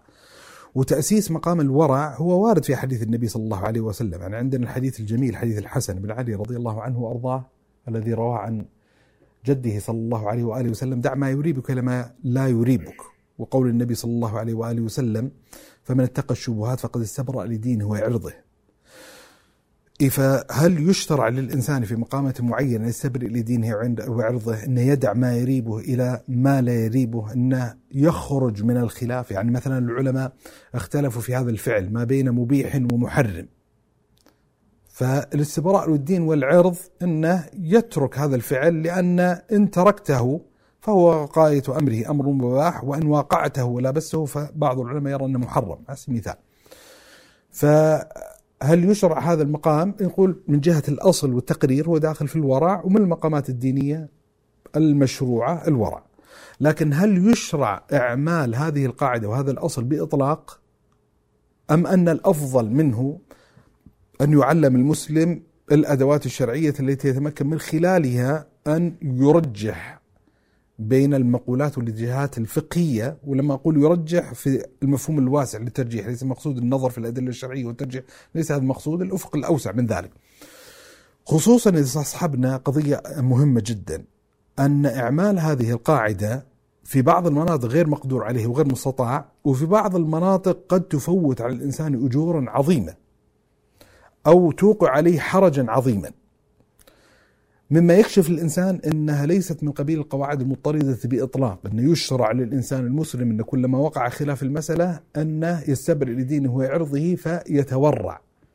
لأن زي ما ذكرت أن في مناطق معينة لا يمكن أن يقع فيها مقام الورع من الخلافات. يعني مثلا من مشهور المسائل الخلافية مثلا بين أهل العلم قضية قراءة الفاتحة خلف الإمام. فستجد أن من أهل العلم من يعتقد وجوب قراءة الفاتحة خلف الإمام ويوجد من أهل العلم يرى حرمة قراءة الفاتحة خلف الإمام ما دام الإمام يقرأ.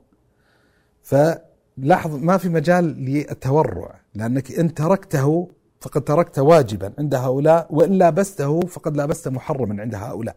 على سبيل المثال مثلا نهاية صلاة العصر عند الحنفية يبدأ إذا كان ظل كل شيء مثله وهو نهاية وقت وقتها ال ال الاختياري عند الجمهور. وبالتالي الجمهور لا يبيح للإنسان أن يؤخر عن ذلك الوقت إلا إذا كان مضطرا. وهؤلاء يرون أن لا يبتدئ الوقت إلا بهذه البداية وبالتالي ستكون داخلا في وقت هؤلاء أو خارجا عن وقت هؤلاء. فهذه جزء من الإشكالية. أو يترك الإنسان أمر مشروعا يعني مثلا التكبيرات الانتقال عادة تكبيرة الإحرام آه، الجمهور على مشروعيتها والحنفية يختارون عدم المشروعية فلو قال الإنسان أنا سأتركها للخروج من الخلاف متابعة لمذهب الحنفية فنقول إنك ستفوت امرا مشروعا تترتب عليه فضائل كبيرة خصوصا مع وهذا ملحظ ضروري يستصحب في هذا الأصل إن إعمال هذا الأصل ومن إعمال هذا القاعدة وفق المسائل المتقارب الخلاف فيها.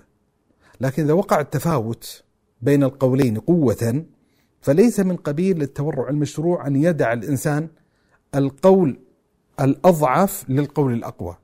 إذا ظهر قوة أدلته. يعني مثل ما ذكرت المسألة الأخيرة قضية تكبيرات الانتقال على سبيل المثال. فموطن الشاهد أن هل يشرع الإنسان المسلم في بعض المسائل الشرعية أن يخرج آه، عن الخلاف؟ نقول نعم. طيب ما الضوابط المتعلقة بإعمال هذا الأصل والقاعدة؟ فمن الإعمال اللي أعتقد من ضروري التنبه له رقم واحد أن يكون آه، التفاوت الواقع في المسألة الخلافية من جهة القوة قريبا يسيرا وألا يفوت الإنسان يعني آه، خير كثير وأجر عظيم آه، بالخروج عن الخلاف أو أن يلابس يعني أمرا مكروها على سبيل المثال كراهية شديدة أو أو يلحقه حالة من حالات الحرج الشديد.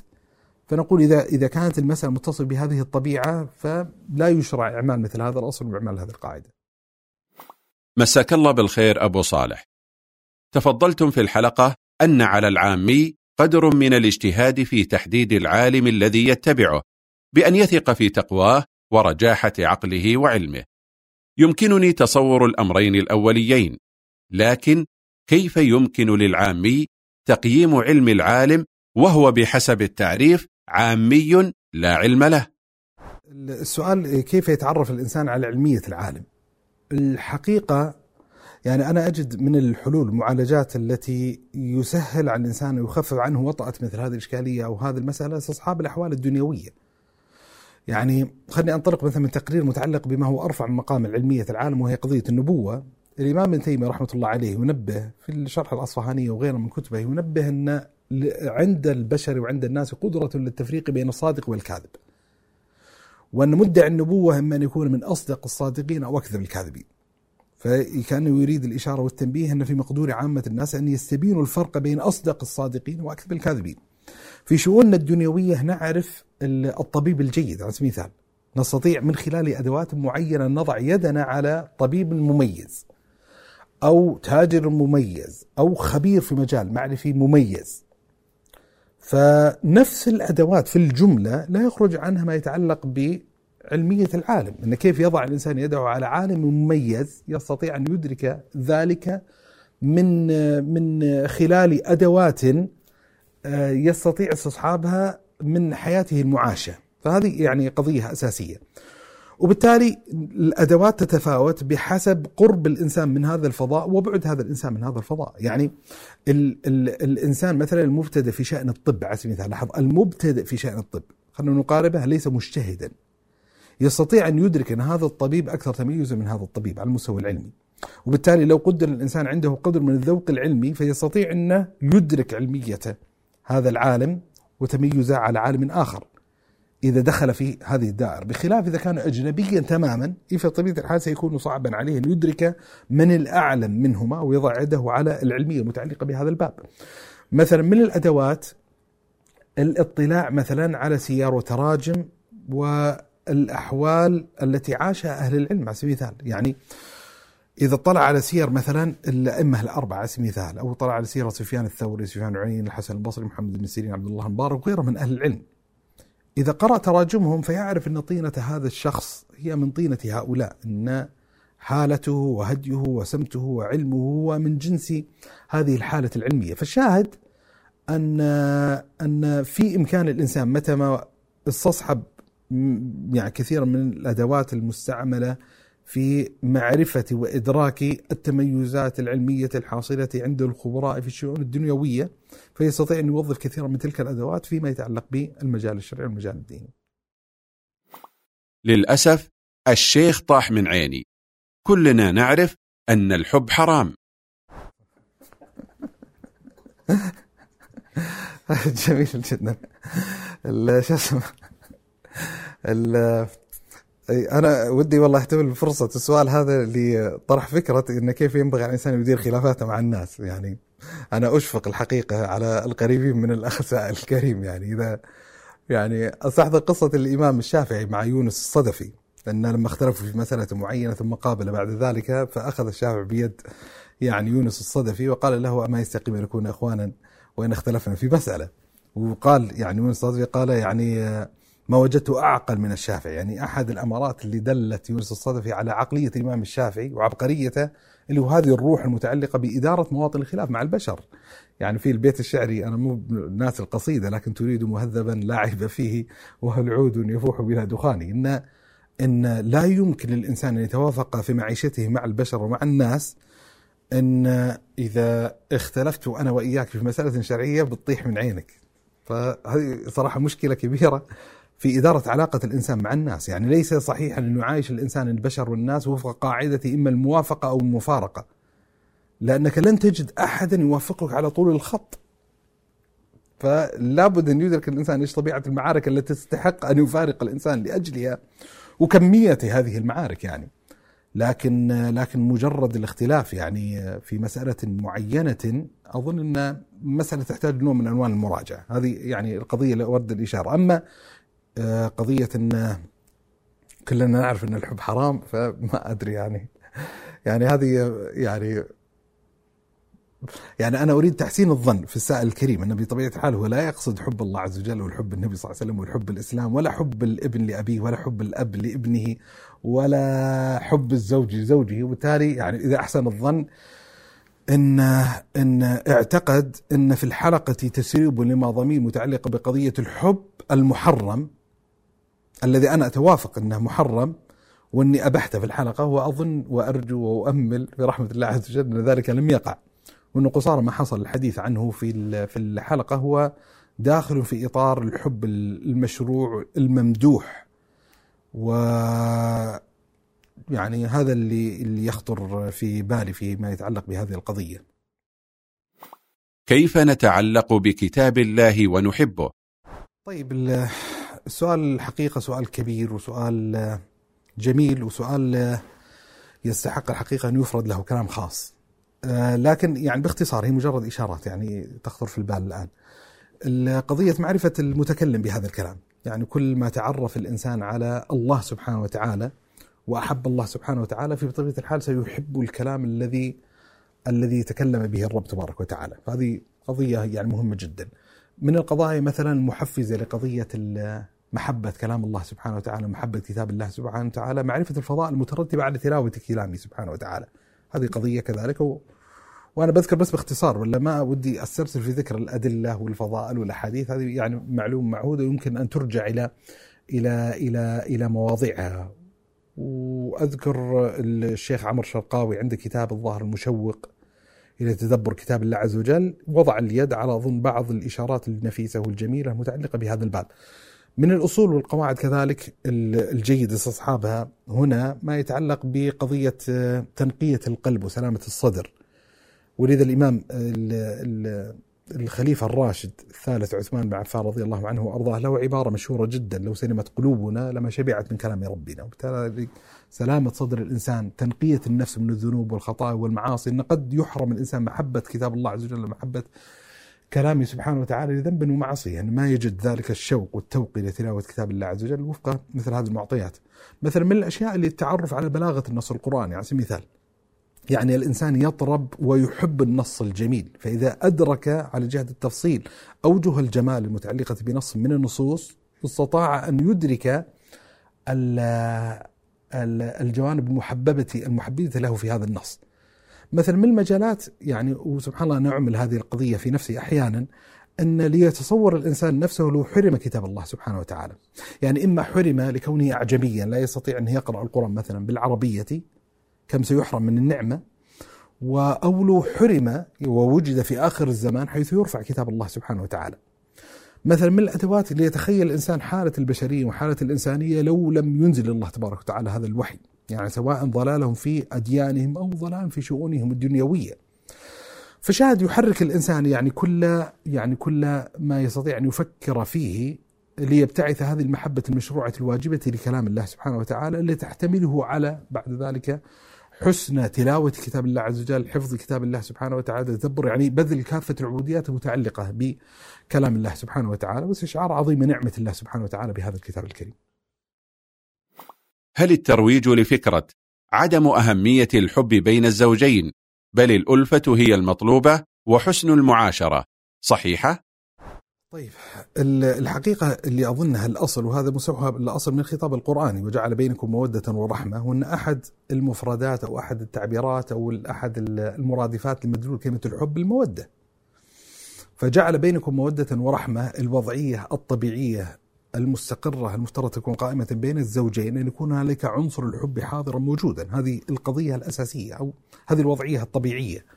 المتوقعة. بل الشريعة لو دقق الإنسان النظر في كثير من تفاصيل الأحكام المتعلقة بالزوجين وإفاتح أبواب له بينهما سيجد أن أن هنالك نوع من أنواع التشوف الشرعي لابتعاث واستبقاء حالة الحب بين الزوجين. والإمام ابن القيم في روضة المحبين أشار إشارة إلى جملة من التفاصيل المتعلقة بهذه الحالة. والمفترض أن البيت المسلم يتشوف أن يكون حاله من جنس حال النبي صلى الله عليه وآله وسلم وزوجاته وأن كانت أواصر المحبة موجودة في بيوتات النبي صلى الله عليه وآله وسلم. فهذه قضية ينبغي الإنسان أن ينطلق منها كتقرير أصلي. لكن في المقابل هل يمكن أن تسير مسيرة الحياة الزوجية وأن غاب هذا العنصر؟ مع حضور حسن المعاشرة والألفة الموجودة في السؤال فأنا أقول نعم واحد الشواهد الدالة على هذا المعنى أثر مشهور عن عمر بن الخطاب رضي الله عنه وأرضاه أن رجلا أتاه وأراد أن يطلق زوجته. فلما سأل عمر رضي الله عنه وأرضاه لما تريد ذلك قال إني لا أحبها. فقال له ويحك وهل بنيت البيوت إلا على الحب؟ فأين التذمم وأين الرعاية؟ فالشاهد إن, إن هل يمكن أن تقام البيوت مع خلوي عن قضية الحب؟ فنعم. وما يكون التوجه والقفز مباشرة إلى فسخ عقد الزوجية لمجرد وجود هذه المعامل.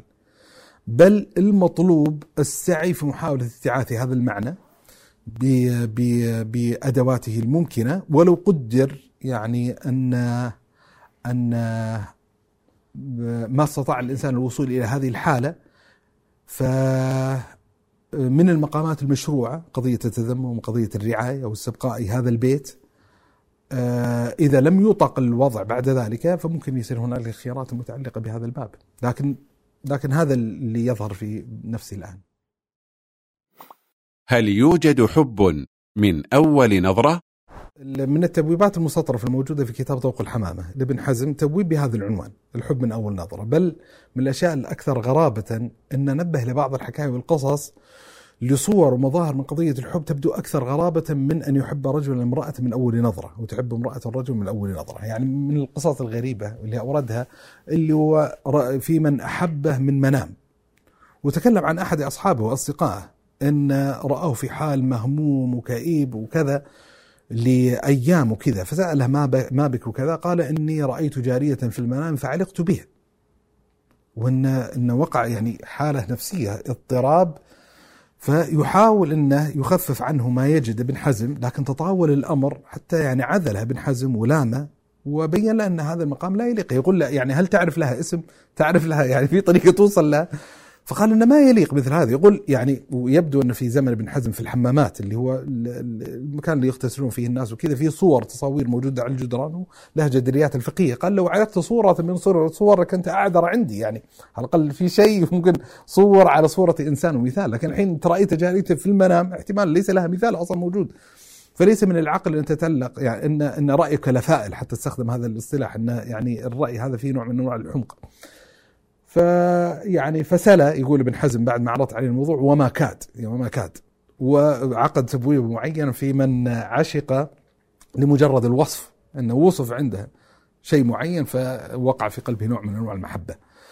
لكن قصة الحب من أول نظرة أذكر أول مرة تنبهت إلى هذا المعنى في كلام لابن القيم رحمة الله عليه. ابن القيم لما عالج قضية العشق وإيش الأحكام المتعلقة بقضية العشق وهل يشرع ويجوز أم يحرم ذلك بدأ يناقش المسألة وصل إلى نقطة معينة أن لو قدر أن الإنسان نظر إلى امرأة نظر فجأة ثم صرف بشره بصره لكنه علقها حبها من نظرة الفجأة.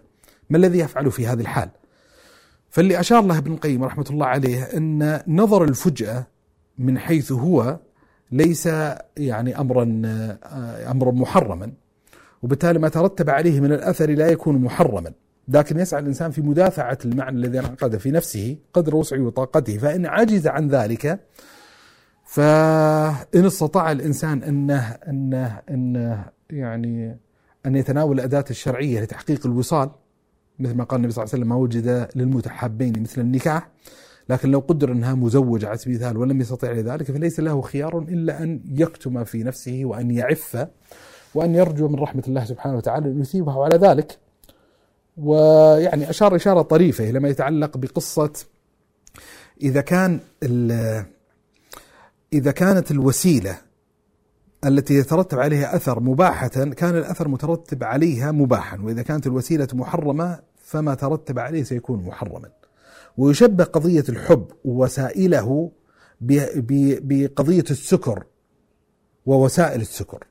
يعني لو قدر أن إنسان شرب خمرا معتقدا أنها خمر فلا يستطيع بعد ذلك أن يدفع عن نفسه السكر فيكون واقعا في المحرم.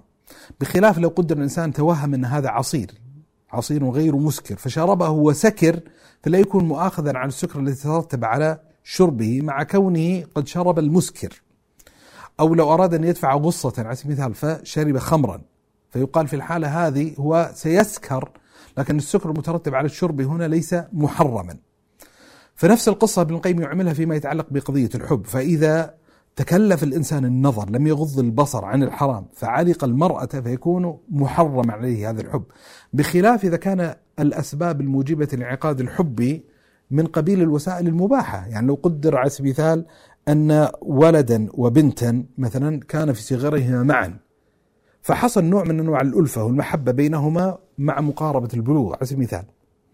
فلا يقال في الحالة هذه أن الحب الذي انعقد في النفوس محرم. مثلا من التوظيفات اللي ذكرها ابن القيم رحمة الله عليه قصة بريرة ومغيث إن مغيث كان يمشي خلف بريرة في سكك المدينة يبكي من تعشقه ومحبته لها فكان يعجب النبي صلى الله عليه وسلم من هذا المشهد وهذا المنظر قال لا تعجب يقول العباس ألا تعجب من محبة مغيث بريرة وبغض بريرة مغيث؟ وشفع النبي صلى الله عليه وسلم في هذا الموضوع الشفاعة المعروفة في هذا الشأن وما عتب النبي صلى الله عليه وسلم على مغيث ما كان به لأن المحبة اللي كانت في نفسه كانت محبة مأخوذة بأسبابها الشرعية. كان زوجا لها ثم لما عتقت يعني اختارت فسخ النكاح بينهما فالمحبة والعشق اللي كان واقع في نفسه كان مباحا. فأعملها ابن القيم في قصة النظر كذلك أن قضية نظر الفجأة يعني قد توجب المحبة فلا يكون الإنسان مؤاخذا عليه. وبالتالي الفقهاء ناقشوا حتى ما يتعلق بحكم الحب من أول نظرة. بارك الله فيك يا شيخنا. إشكاليتي في حديث أن الله يحب أن يحب أو يحب التوابين أو يحب المتطهرين أو يحب إذا عمل أحدكم عملا أن يتقنه وهلم جرا هل الله يحب هذه المشاعر أو الأفعال لكبير نفعها على العبد نفسه أم يحبها لشيء آخر؟ طيب أول تنبيه بس اللي هو آه، أن الله يحب أن يحب أو فالرب يحب أن يحب هذه من تعبيرات الإمام ابن تيمية رحمة الله وليست حديثا. يعني وأخشى أن فهم يمكن في سياق كلام معين أنه حديث النبي صلى الله عليه وسلم لكن ليست حديثا. المقتضيات محبة الله سبحانه وتعالى للأشياء أو الأشخاص أو الصفات الأصل في مرجعها أنها عائدة إلى حكمة الله سبحانه وتعالى وعلمه سبحانه وتعالى. فالله عز وجل يحب من الصفات ما كان كمالا. والله عز وجل كذلك يحب بمقتضى رحمته سبحانه وتعالى مقتضى رأفته تبارك وتعالى. فيحب من يحسن إلى عباده. وهذا يعني من من مقتضى حكمته سبحانه وتعالى وعلمه مقتضى كذلك آه، رحمته سبحانه وتعالى ورأفته. وبالتالي آه هذه بعض المآخذ ويمكن أن يدرس الموضوع لوضع اليد على مآخذ أخرى. لكن مرجع الموضوع في حقيقته أن الله عز وجل يحب من الصفات ما كان كمالا وأن محبته سبحانه وتعالى لصفات الكمال عائد إلى كمال حكمته وكمال علمه تبارك وتعالى.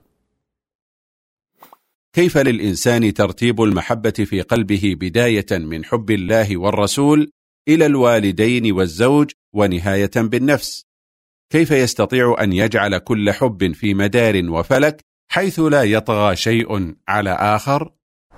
طيب جميل جدا. ال ال ال معيار إدراك المحبة المشروع وعدم تجاوزها على رتبة محبة أخرى على طبيعة الأثر المترتب عليها.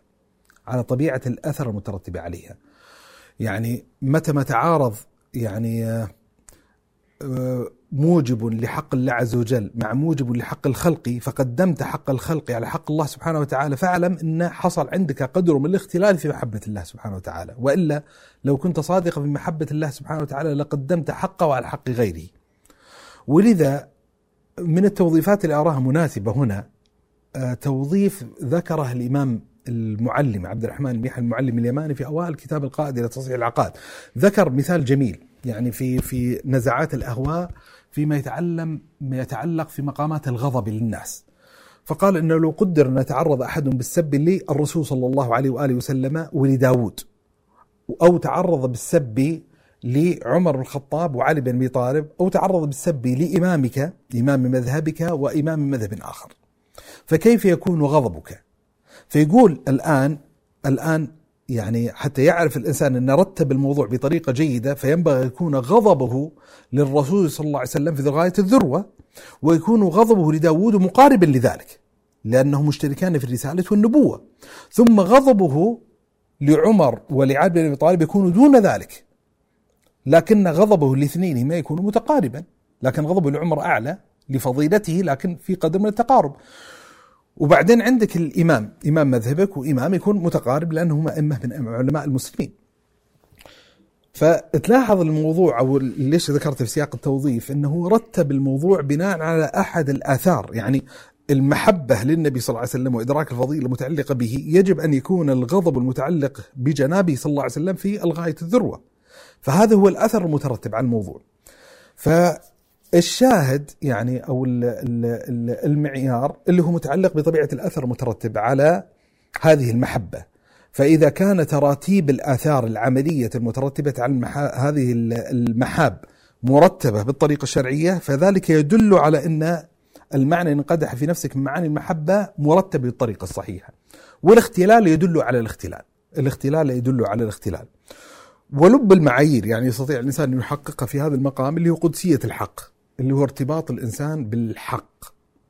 والله سبحانه وتعالى هو الحق تبارك وتعالى. فالحق يجب أن يكون مقدما عند الإنسان مطلقا.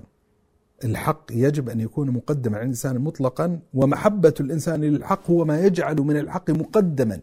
في نفسه بحيث لا يعرض مقام الحق لشيء ينقص قدره أو يضعفه. وبالتالي إذا تعارض الحق مع حقوق الخلق فالمقدم عنده حق الحق على حساب حقوق الخلق. فموطن الشاهد أن تراتيب الآثار النفسية إنما بحسب الآثار العملية في حياة الإنسان المعيشية قرأت لأحدهم أن كلمة يا حبيبي أو أنا أحبك هي كلمة لا تصدر من رجل لأنها تدل على الميوعة فالأصل أن تقول أحبك في الله. وعند الاستناد بأحاديث الرسول عن حبه للصحابة يقول ذاك زمن غير زمننا هذا لأن الكلمة تغير مفهومها ومعناها بالوقت الحالي. ما هي الطريقة الصحيحة لإقناع من يتبنى مثل هذه الأفكار؟ يعني ما في ما, ما يظهر الحقيقة وجه الميوعة فيما يتعلق أصلا بمثل هذه الإطلاقات، يعني أحد الجوانب اللي حاولنا نتطرق لها في الحلقة اللي هو تصحيح بعض هذه المفاهيم. يعني من القضايا المنهجية اللي يحتاج الإنسان يستصحبها دائما في محاكمته لعالم الأفكار وعالم المشاعر وعالم القضايا الا يحاكم هذا الفضاء إلى أمزجته الشخصية وطباعه النفسية. يعني الواجب عليه أن يصحح هذه الأمزجة والطباع بمقتضى الشريعة، يعني النبي صلى الله عليه وسلم وقف على رجل معين يرى في معنى الرحمة شيئا من المعاني المستبطنة على الأقل في السؤال. لما رأى رجلا لما النبي صلى الله عليه وسلم قبل ولده فقال له ذلك الرجل إن لي كذا وكذا من ولد والله ما قبلته أحدهم قط. فقال النبي صلى الله عليه وسلم وما أصنع أن نزع الله الرحمة من قلبك. يعني لا نستطيع أن نعايد أن نعيد ترتيب الأصول الشرعية أو أو الحقائق في نفس الأمر أو نعيد المسطرة ومعايرتها بطريقة بحسب مزاج الإنسان المعين وطبيعته الشخصية. لا هو يحتاج أنه يعيد معايرة نفسه بمقتضيات الحق. وبالتالي هل الحب من المفاهيم المائعة؟ أعتقد أن لا أن, أن, أن إشكالية. ولذا في في محاولة للهروب يعني محاولة للهروب إلى منطقة إن هنالك عرف في زمن النبي صلى الله عليه وسلم وإن عرف متغير الحين. أنا أزعم إن القصارى ما نطمع به أن نعيد المشهد العرفي المعاصر فيما يتعلق بالموقف من قضية الحب إلى تحقيق الحب اللي كان موجودا في زمن النبي صلى الله عليه وسلم الذي لا يأنف فيه صلى الله عليه وآله وسلم وهو أشرف الناس وأكرم الناس وأحسن الناس صلى الله عليه وسلم دينا وخلقا أن يقول لرجل عمرو بن العاص إن من أحب الناس إليه فيقول عائشة. لا يجد أن في ذلك نوع من أنواع المعايرة أنه يعبر عن محبته لزوجه أمام رجل آخر. فمنطقة الإشكال يعني ليس متضحا عندي يعني وجه الميوعة فيما يتعلق بهذه القضية بحيث أنه يلزم الإنسان أن يستصحب لما يريد أن يعبر لآخر عن حبه أن يقول أني أحبك في الله. لا, لا يظهر هذا يعني أن, أن مشروعية على جهة الإطلاق بهذه الطريقة ولا حتى الدلائل الشرعية اللي نصت على فكرة أنه يعبر الإنسان عن محبته لأخيه أن نبه بها بهذه الصورة المقيدة المخصوصة. يعني إذا أحب أحدكم أخاه فليخبره بذلك. أو لما مر رجل على النبي صلى الله عليه وسلم وعنده رجل فقال ذلك الرجل النبي صلى الله عليه وسلم إني أحبه فقال فهل أخبرته؟ إذا أحب أحدكم أخاه فليخبره. على سبيل المثال النبي صلى الله عليه وسلم لما أراد يعبر عن محبته لمعاذ بن جبل قال يا معاذ إني أحبك ما قال يا معاذ إني أحبك في الله. يعني ليست هذه الصيغة صيغة مطلوبة بإطلاق أو صيغة تحرر قضية الحب من قضية الميوعة وتجعلها داخلا في إطار الرجولة والفحولة. فأعتقد لا المسألة يعني المسألة يعني ليست بالطريقة المعبر عنها والله أعلم. هل من الممكن أن يؤمن الإنسان بأشياء غريبة وهو متيقن من أنها خاطئة لكن هدفه إشباع جوعاته؟ والله السؤال هذا غامض الحقيقة وليس واضحا. يعني إذا إذا كان مقصود السؤال هل يمكن للإنسان أن يؤمن ولا يؤمن في نفس الوقت؟ فهذا جمع من نقيضين يعني ليس واضحا. يعني في نفسي وغامض السؤال يعني ممكن يصير يعني أحد فهمين محتملين للسؤال انه هل يمكن للإنسان أن يؤمن بشيء ويظهر الجحود؟ إيه هذا ممكن يحصل. أو يكون إن إن يعتقد أن هنالك آثار إيجابية مترتبة على فعل معين هو غير مقتنع تمام القناعة بالتفسيرات والتبريرات التي تقدم لهذه القضية المعينة فهو لا يؤمن بها لكن يرى أن لها مردود إيجابي على حياتي فاعتقد ان ان إن يعني الأصل إن يكون هنالك نوع من أنواع التساق الحياة عند الإنسان بين الجانب النظري والجانب العملي الموجود عنده بحيث إنه لا يخالف الجانب النظري الموجود عنده بافعاله العملية. وينطلق الإنسان في أفعاله العملية من أصول النظريه القائمة الموجوده عنده.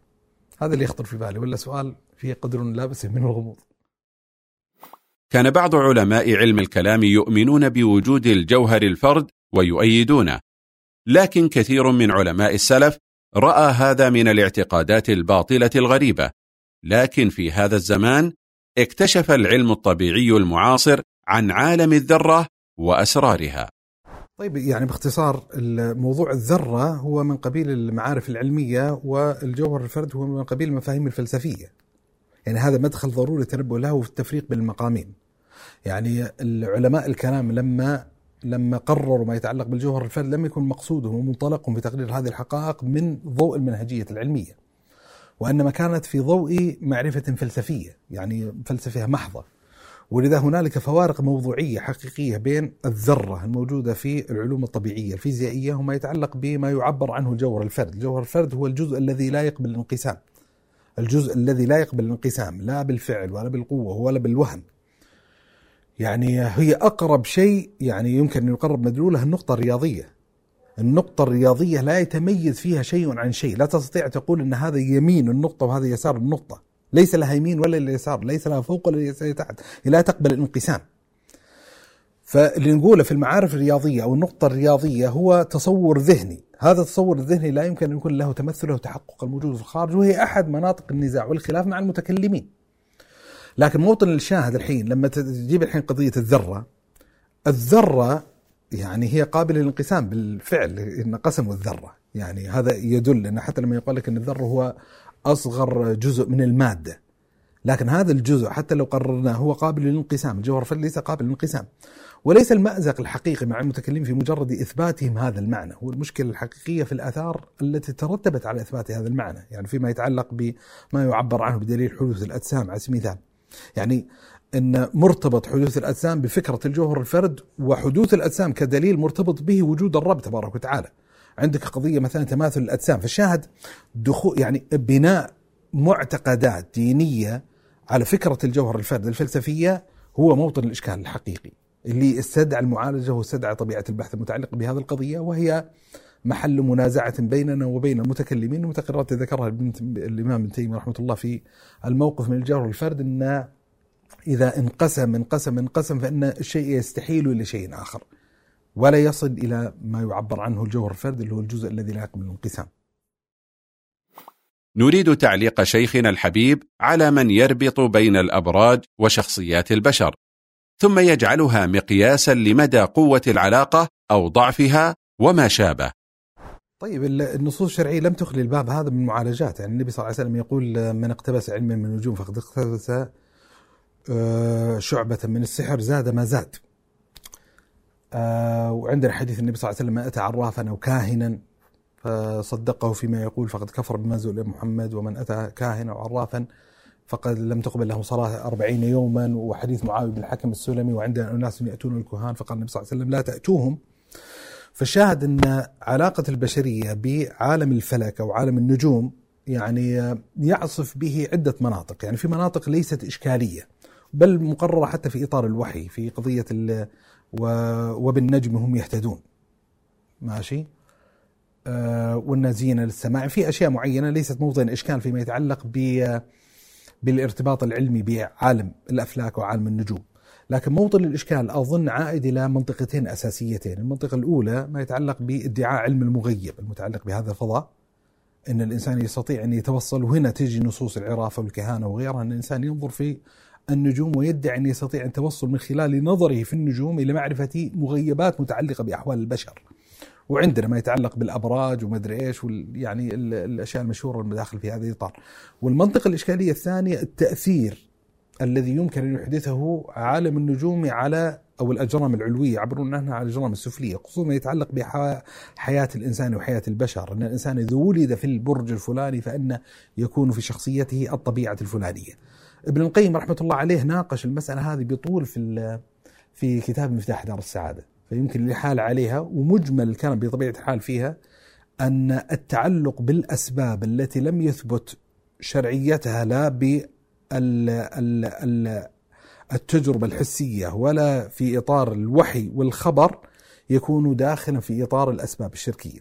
ولذا النبي صلى الله عليه وآله وسلم لما كان في غزوة الحديبية عائدا منها ومطر صحابة النبي صلى الله عليه وآله وسلم قال النبي صلى الله عليه وسلم ألا أخبركم بما قال ربكم آنفا؟ قال وما قال؟ قال أصبح من عبادي مؤمن وكافر. أما من قال مطرنا بنوء كذا وكذا فهو مؤمن بالكوكب كافر به وأما من قال مطرنا بفضل الله ورحمته فهو مؤمن به كافر بالكوكب. لأن آه، اعتقد هؤلاء سببية ما لم يجعل الله سبحانه وتعالى سببا. فهذا خلاصة الكلام في هذه المسألة. في معرض تفكيك الشيخ لخرافة قانون الجذب يقول أنك إذا حاولت جذب أمر تريده ثم حدث لك قال أهل الخرافة أرأيت؟ وإن لم يحدث قالوا إن العيب فيك. فما رد الشيخ على من يقول إن هذا هو بالضبط شأن المؤمنين مع الدعاء. إن حدث ما طلبوا قالوا استجاب لنا ربنا. وإن لم يحدث قالوا إن العيب منا. أو أن ربنا ادخره لنا في الآخرة. طيب هو من المعاني اللي أشرنا إليها في الحلقة اللي هو لماذا يؤمن الناس بالأشياء الغريبة معنى أظن مهم جدا. أن نحن نطالب الطرف الثاني بإقامة الحجة وإقامة الدليل وإقامة البرهان على صحة الفكرة التي يطرحها. يعني إحنا نقول ابتداء أن عندنا موقف سلبي من قانون الجذب أن هي خرافة نقطة. إحنا نقول الطرف الثاني ما هي أدلتك المثبتة لوجود مثل هذا القانون؟ فإذا عجز عن إقامة الحجة والدليل لا من خطاب الوحي ولا من خطاب العلوم الطبيعية التجريبية فهو يدخله عندنا في حيز الخرافة. هذه القصة. وبالتالي لما يتم الاعتراض علينا أن أنتم تؤمنون بأمور معينة لم تثبت من خلال العلوم الطبيعية التجريبية. نقول لكن نحن لن نشترط في ضوء مصدر مصدر المعرفة الموجودة عندنا أن نثبت الإنشاء الأشياء من رحم فضاء العلوم الطبيعية التجريبية فقط. عندنا الوحي. فاسألني طالبني ما هو الدليل على كون الدعاء مؤثرا في تحصيل المطالب. فأقول لك إن في أدلة شرعية كثيرة واردة في الكتاب واردة في سنة النبي صلى الله عليه وآله وسلم. فهذا أحد المواضع الفرق اللي هو قضية الدليل الذي أتمسك به في هذه المنطقة منطقة الدعاء وغيبة الدليل في المنطقة التي يدعي المخالف وهي المتعلقة بقانون الجذب. منطقة خلافية أخرى وإشكالية أخرى قانون الجذب هو من قبيل القوانين الأوتوماتيكية القوانين الحتمية يعني هي في تمثيلات وتعبيرات من جنس قانون الجاذبية الأرضية فهنالك طريقة وحيدة ليتحقق المطلوب للإنسان في ضوء قانون الجذب بخلاف مسألة الدعاء لا الدعاء عندنا لما يدعو الإنسان الله سبحانه وتعالى ليست العلاقة الموجودة بين العبد وبين الرب تبارك وتعالى علاقة أوتوماتيكية من جنس تلك العلاقة. لا أنت تتعامل مع لطيف عليم خبير قدير حكيم سبحانه وتعالى، وبالتالي أصلا الدعاء لا يلزم بالضرورة أن يستجاب بصورة مطابقة للصورة التي دعوت بها. الله عز وجل قد يجيبك وقد يعني يجيبك بشيء أفضل مما دعوته أو يصرف الله عز وجل عنك شرا بدعوتك تلك أو يخبئ لك الله سبحانه وتعالى تلك الدعوة أجورا عنده يوم القيامة. فهذه يعني أشياء تكشف عن منطقة الفرق وأن لا يصح المعارضة بقضية الدعاء ما يتعلق بمعارضتنا لقانون الجذب. يحتج البعض بجواز قانون الجذب. بحديث أبي هريرة في البخاري أنا عند ظن عبدي بي. ما هو الرد على من احتج بهذا؟ طيب حسن الظن بالله تبارك وتعالى طبعا ورد في حديث النبي صلى الله عليه وسلم. يقول فيه النبي صلى الله عليه وسلم يقول الله تعالى أنا عند ظن عبدي بي فليظن بي ما شاء. ويقول النبي صلى الله عليه وسلم أنا عند ظن عبدي بي آه، ف وأنا معه إذا ذكرني فإن ذكره فإن ذكرني في نفسي ذكرته في نفسي الحديث المعروف. فما في شك أن من أعظم العبوديات التي يتقرب بها إلى الله سبحانه وتعالى عبودية حسن الظن فيه تبارك وتعالى هذه عبودية جليلة وعظيمة من جنس عبودية الثقة في الله عز وجل والتوكل على الله عز وجل وتفويض الأمر إلى الله سبحانه وتعالى وغيرها من العبوديات. وإن هذه العبوديات دلتنا الشريعة يعني مثل ما ذكرنا في السؤال السابق دلتنا الشريعة على كونها اسبابا يمكن من خلاله أن يتحصل العبد على مطلوبه، الشريعة كشفت ودلتنا على هذه القضية. وإن هذه الأسباب الشرعية شأنها بقية الأسباب الشرعية لابد أن تتوافر شروطها وتنتفي موانعها. ولذا مثلا من العبوديات القريبة أو جنسها من جنس حسن الظن في الله تبارك وتعالى في تحقيق المطالب عبودية الدعاء مثلا ومع ذلك النبي صلى الله عليه وسلم يقول يستجاب لأحدكم ما لم يستعجل أو يدعو بقطيعة رحم والنبي صلى الله عليه وسلم ذكر الرجل يطيل السفر سفر أشعث أغبر يمد يديه إلى السماء يقول يا رب يا رب ومطعمه حرام ومشربه حرام وملبسه حرام وغذي بالحرام فأنا يستجاب لذلك وبالتالي في التعامل مع الله عز وجل وفق الأسباب الشرعية ترى لا يلزم بالضرورة أن تترتب الآثار المتعلقة بها ما لم تتوفر شروطها وتنتفي موانعها. ولذا يجب أن يستبين الإنسان الفرق بين ما يتعلق بهذه العبودية العظيمة الجليله وبين المفاهيم الداخلة فيما يعبر عنه بقانون الجذب، يعني على مستوى أوتوماتيكية العلاقة، قانون الجذب يعني على تعبيراتهم اطلب آمن تلقى.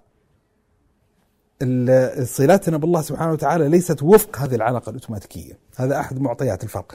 قانون الجذب لا يتضمن في طياته فكرة العمل، حسن الظن في الله تبارك وتعالى والرجاء فيه تبارك وتعالى مع غيبة العادة العمل هو من قبيل الأماني الكاذبة وابن القيم ينص على هذا المعنى وأنه يشرع الإنسان أن يتوكل على الله سبحانه وتعالى وأن يعمل يعقلها وتوكل ففي تكامل أصلا في اتخاذ الأسباب الشرعية في تحصيل المطالب بخلاف فكرة قانون الجذب. بعدين لما نتكلم عن حسن الظن نحن نتكلم عن حسن الظن في الله تبارك وتعالى، قانون الجذب لا يفكر وفق هذا المنطق. قانون الجذب يقول لك أنت فكر في فكرة معينة زين؟ بمعنى آخر حسن ظنك حسن ظنك مطلقا مو بالضرورة تحسن ظنك في الله عز وجل حسن ظنك في أي شيء. المهم إنه يكون تفكيرك إيجابي متعلق بقضية مع ما والكون سيلبي لك.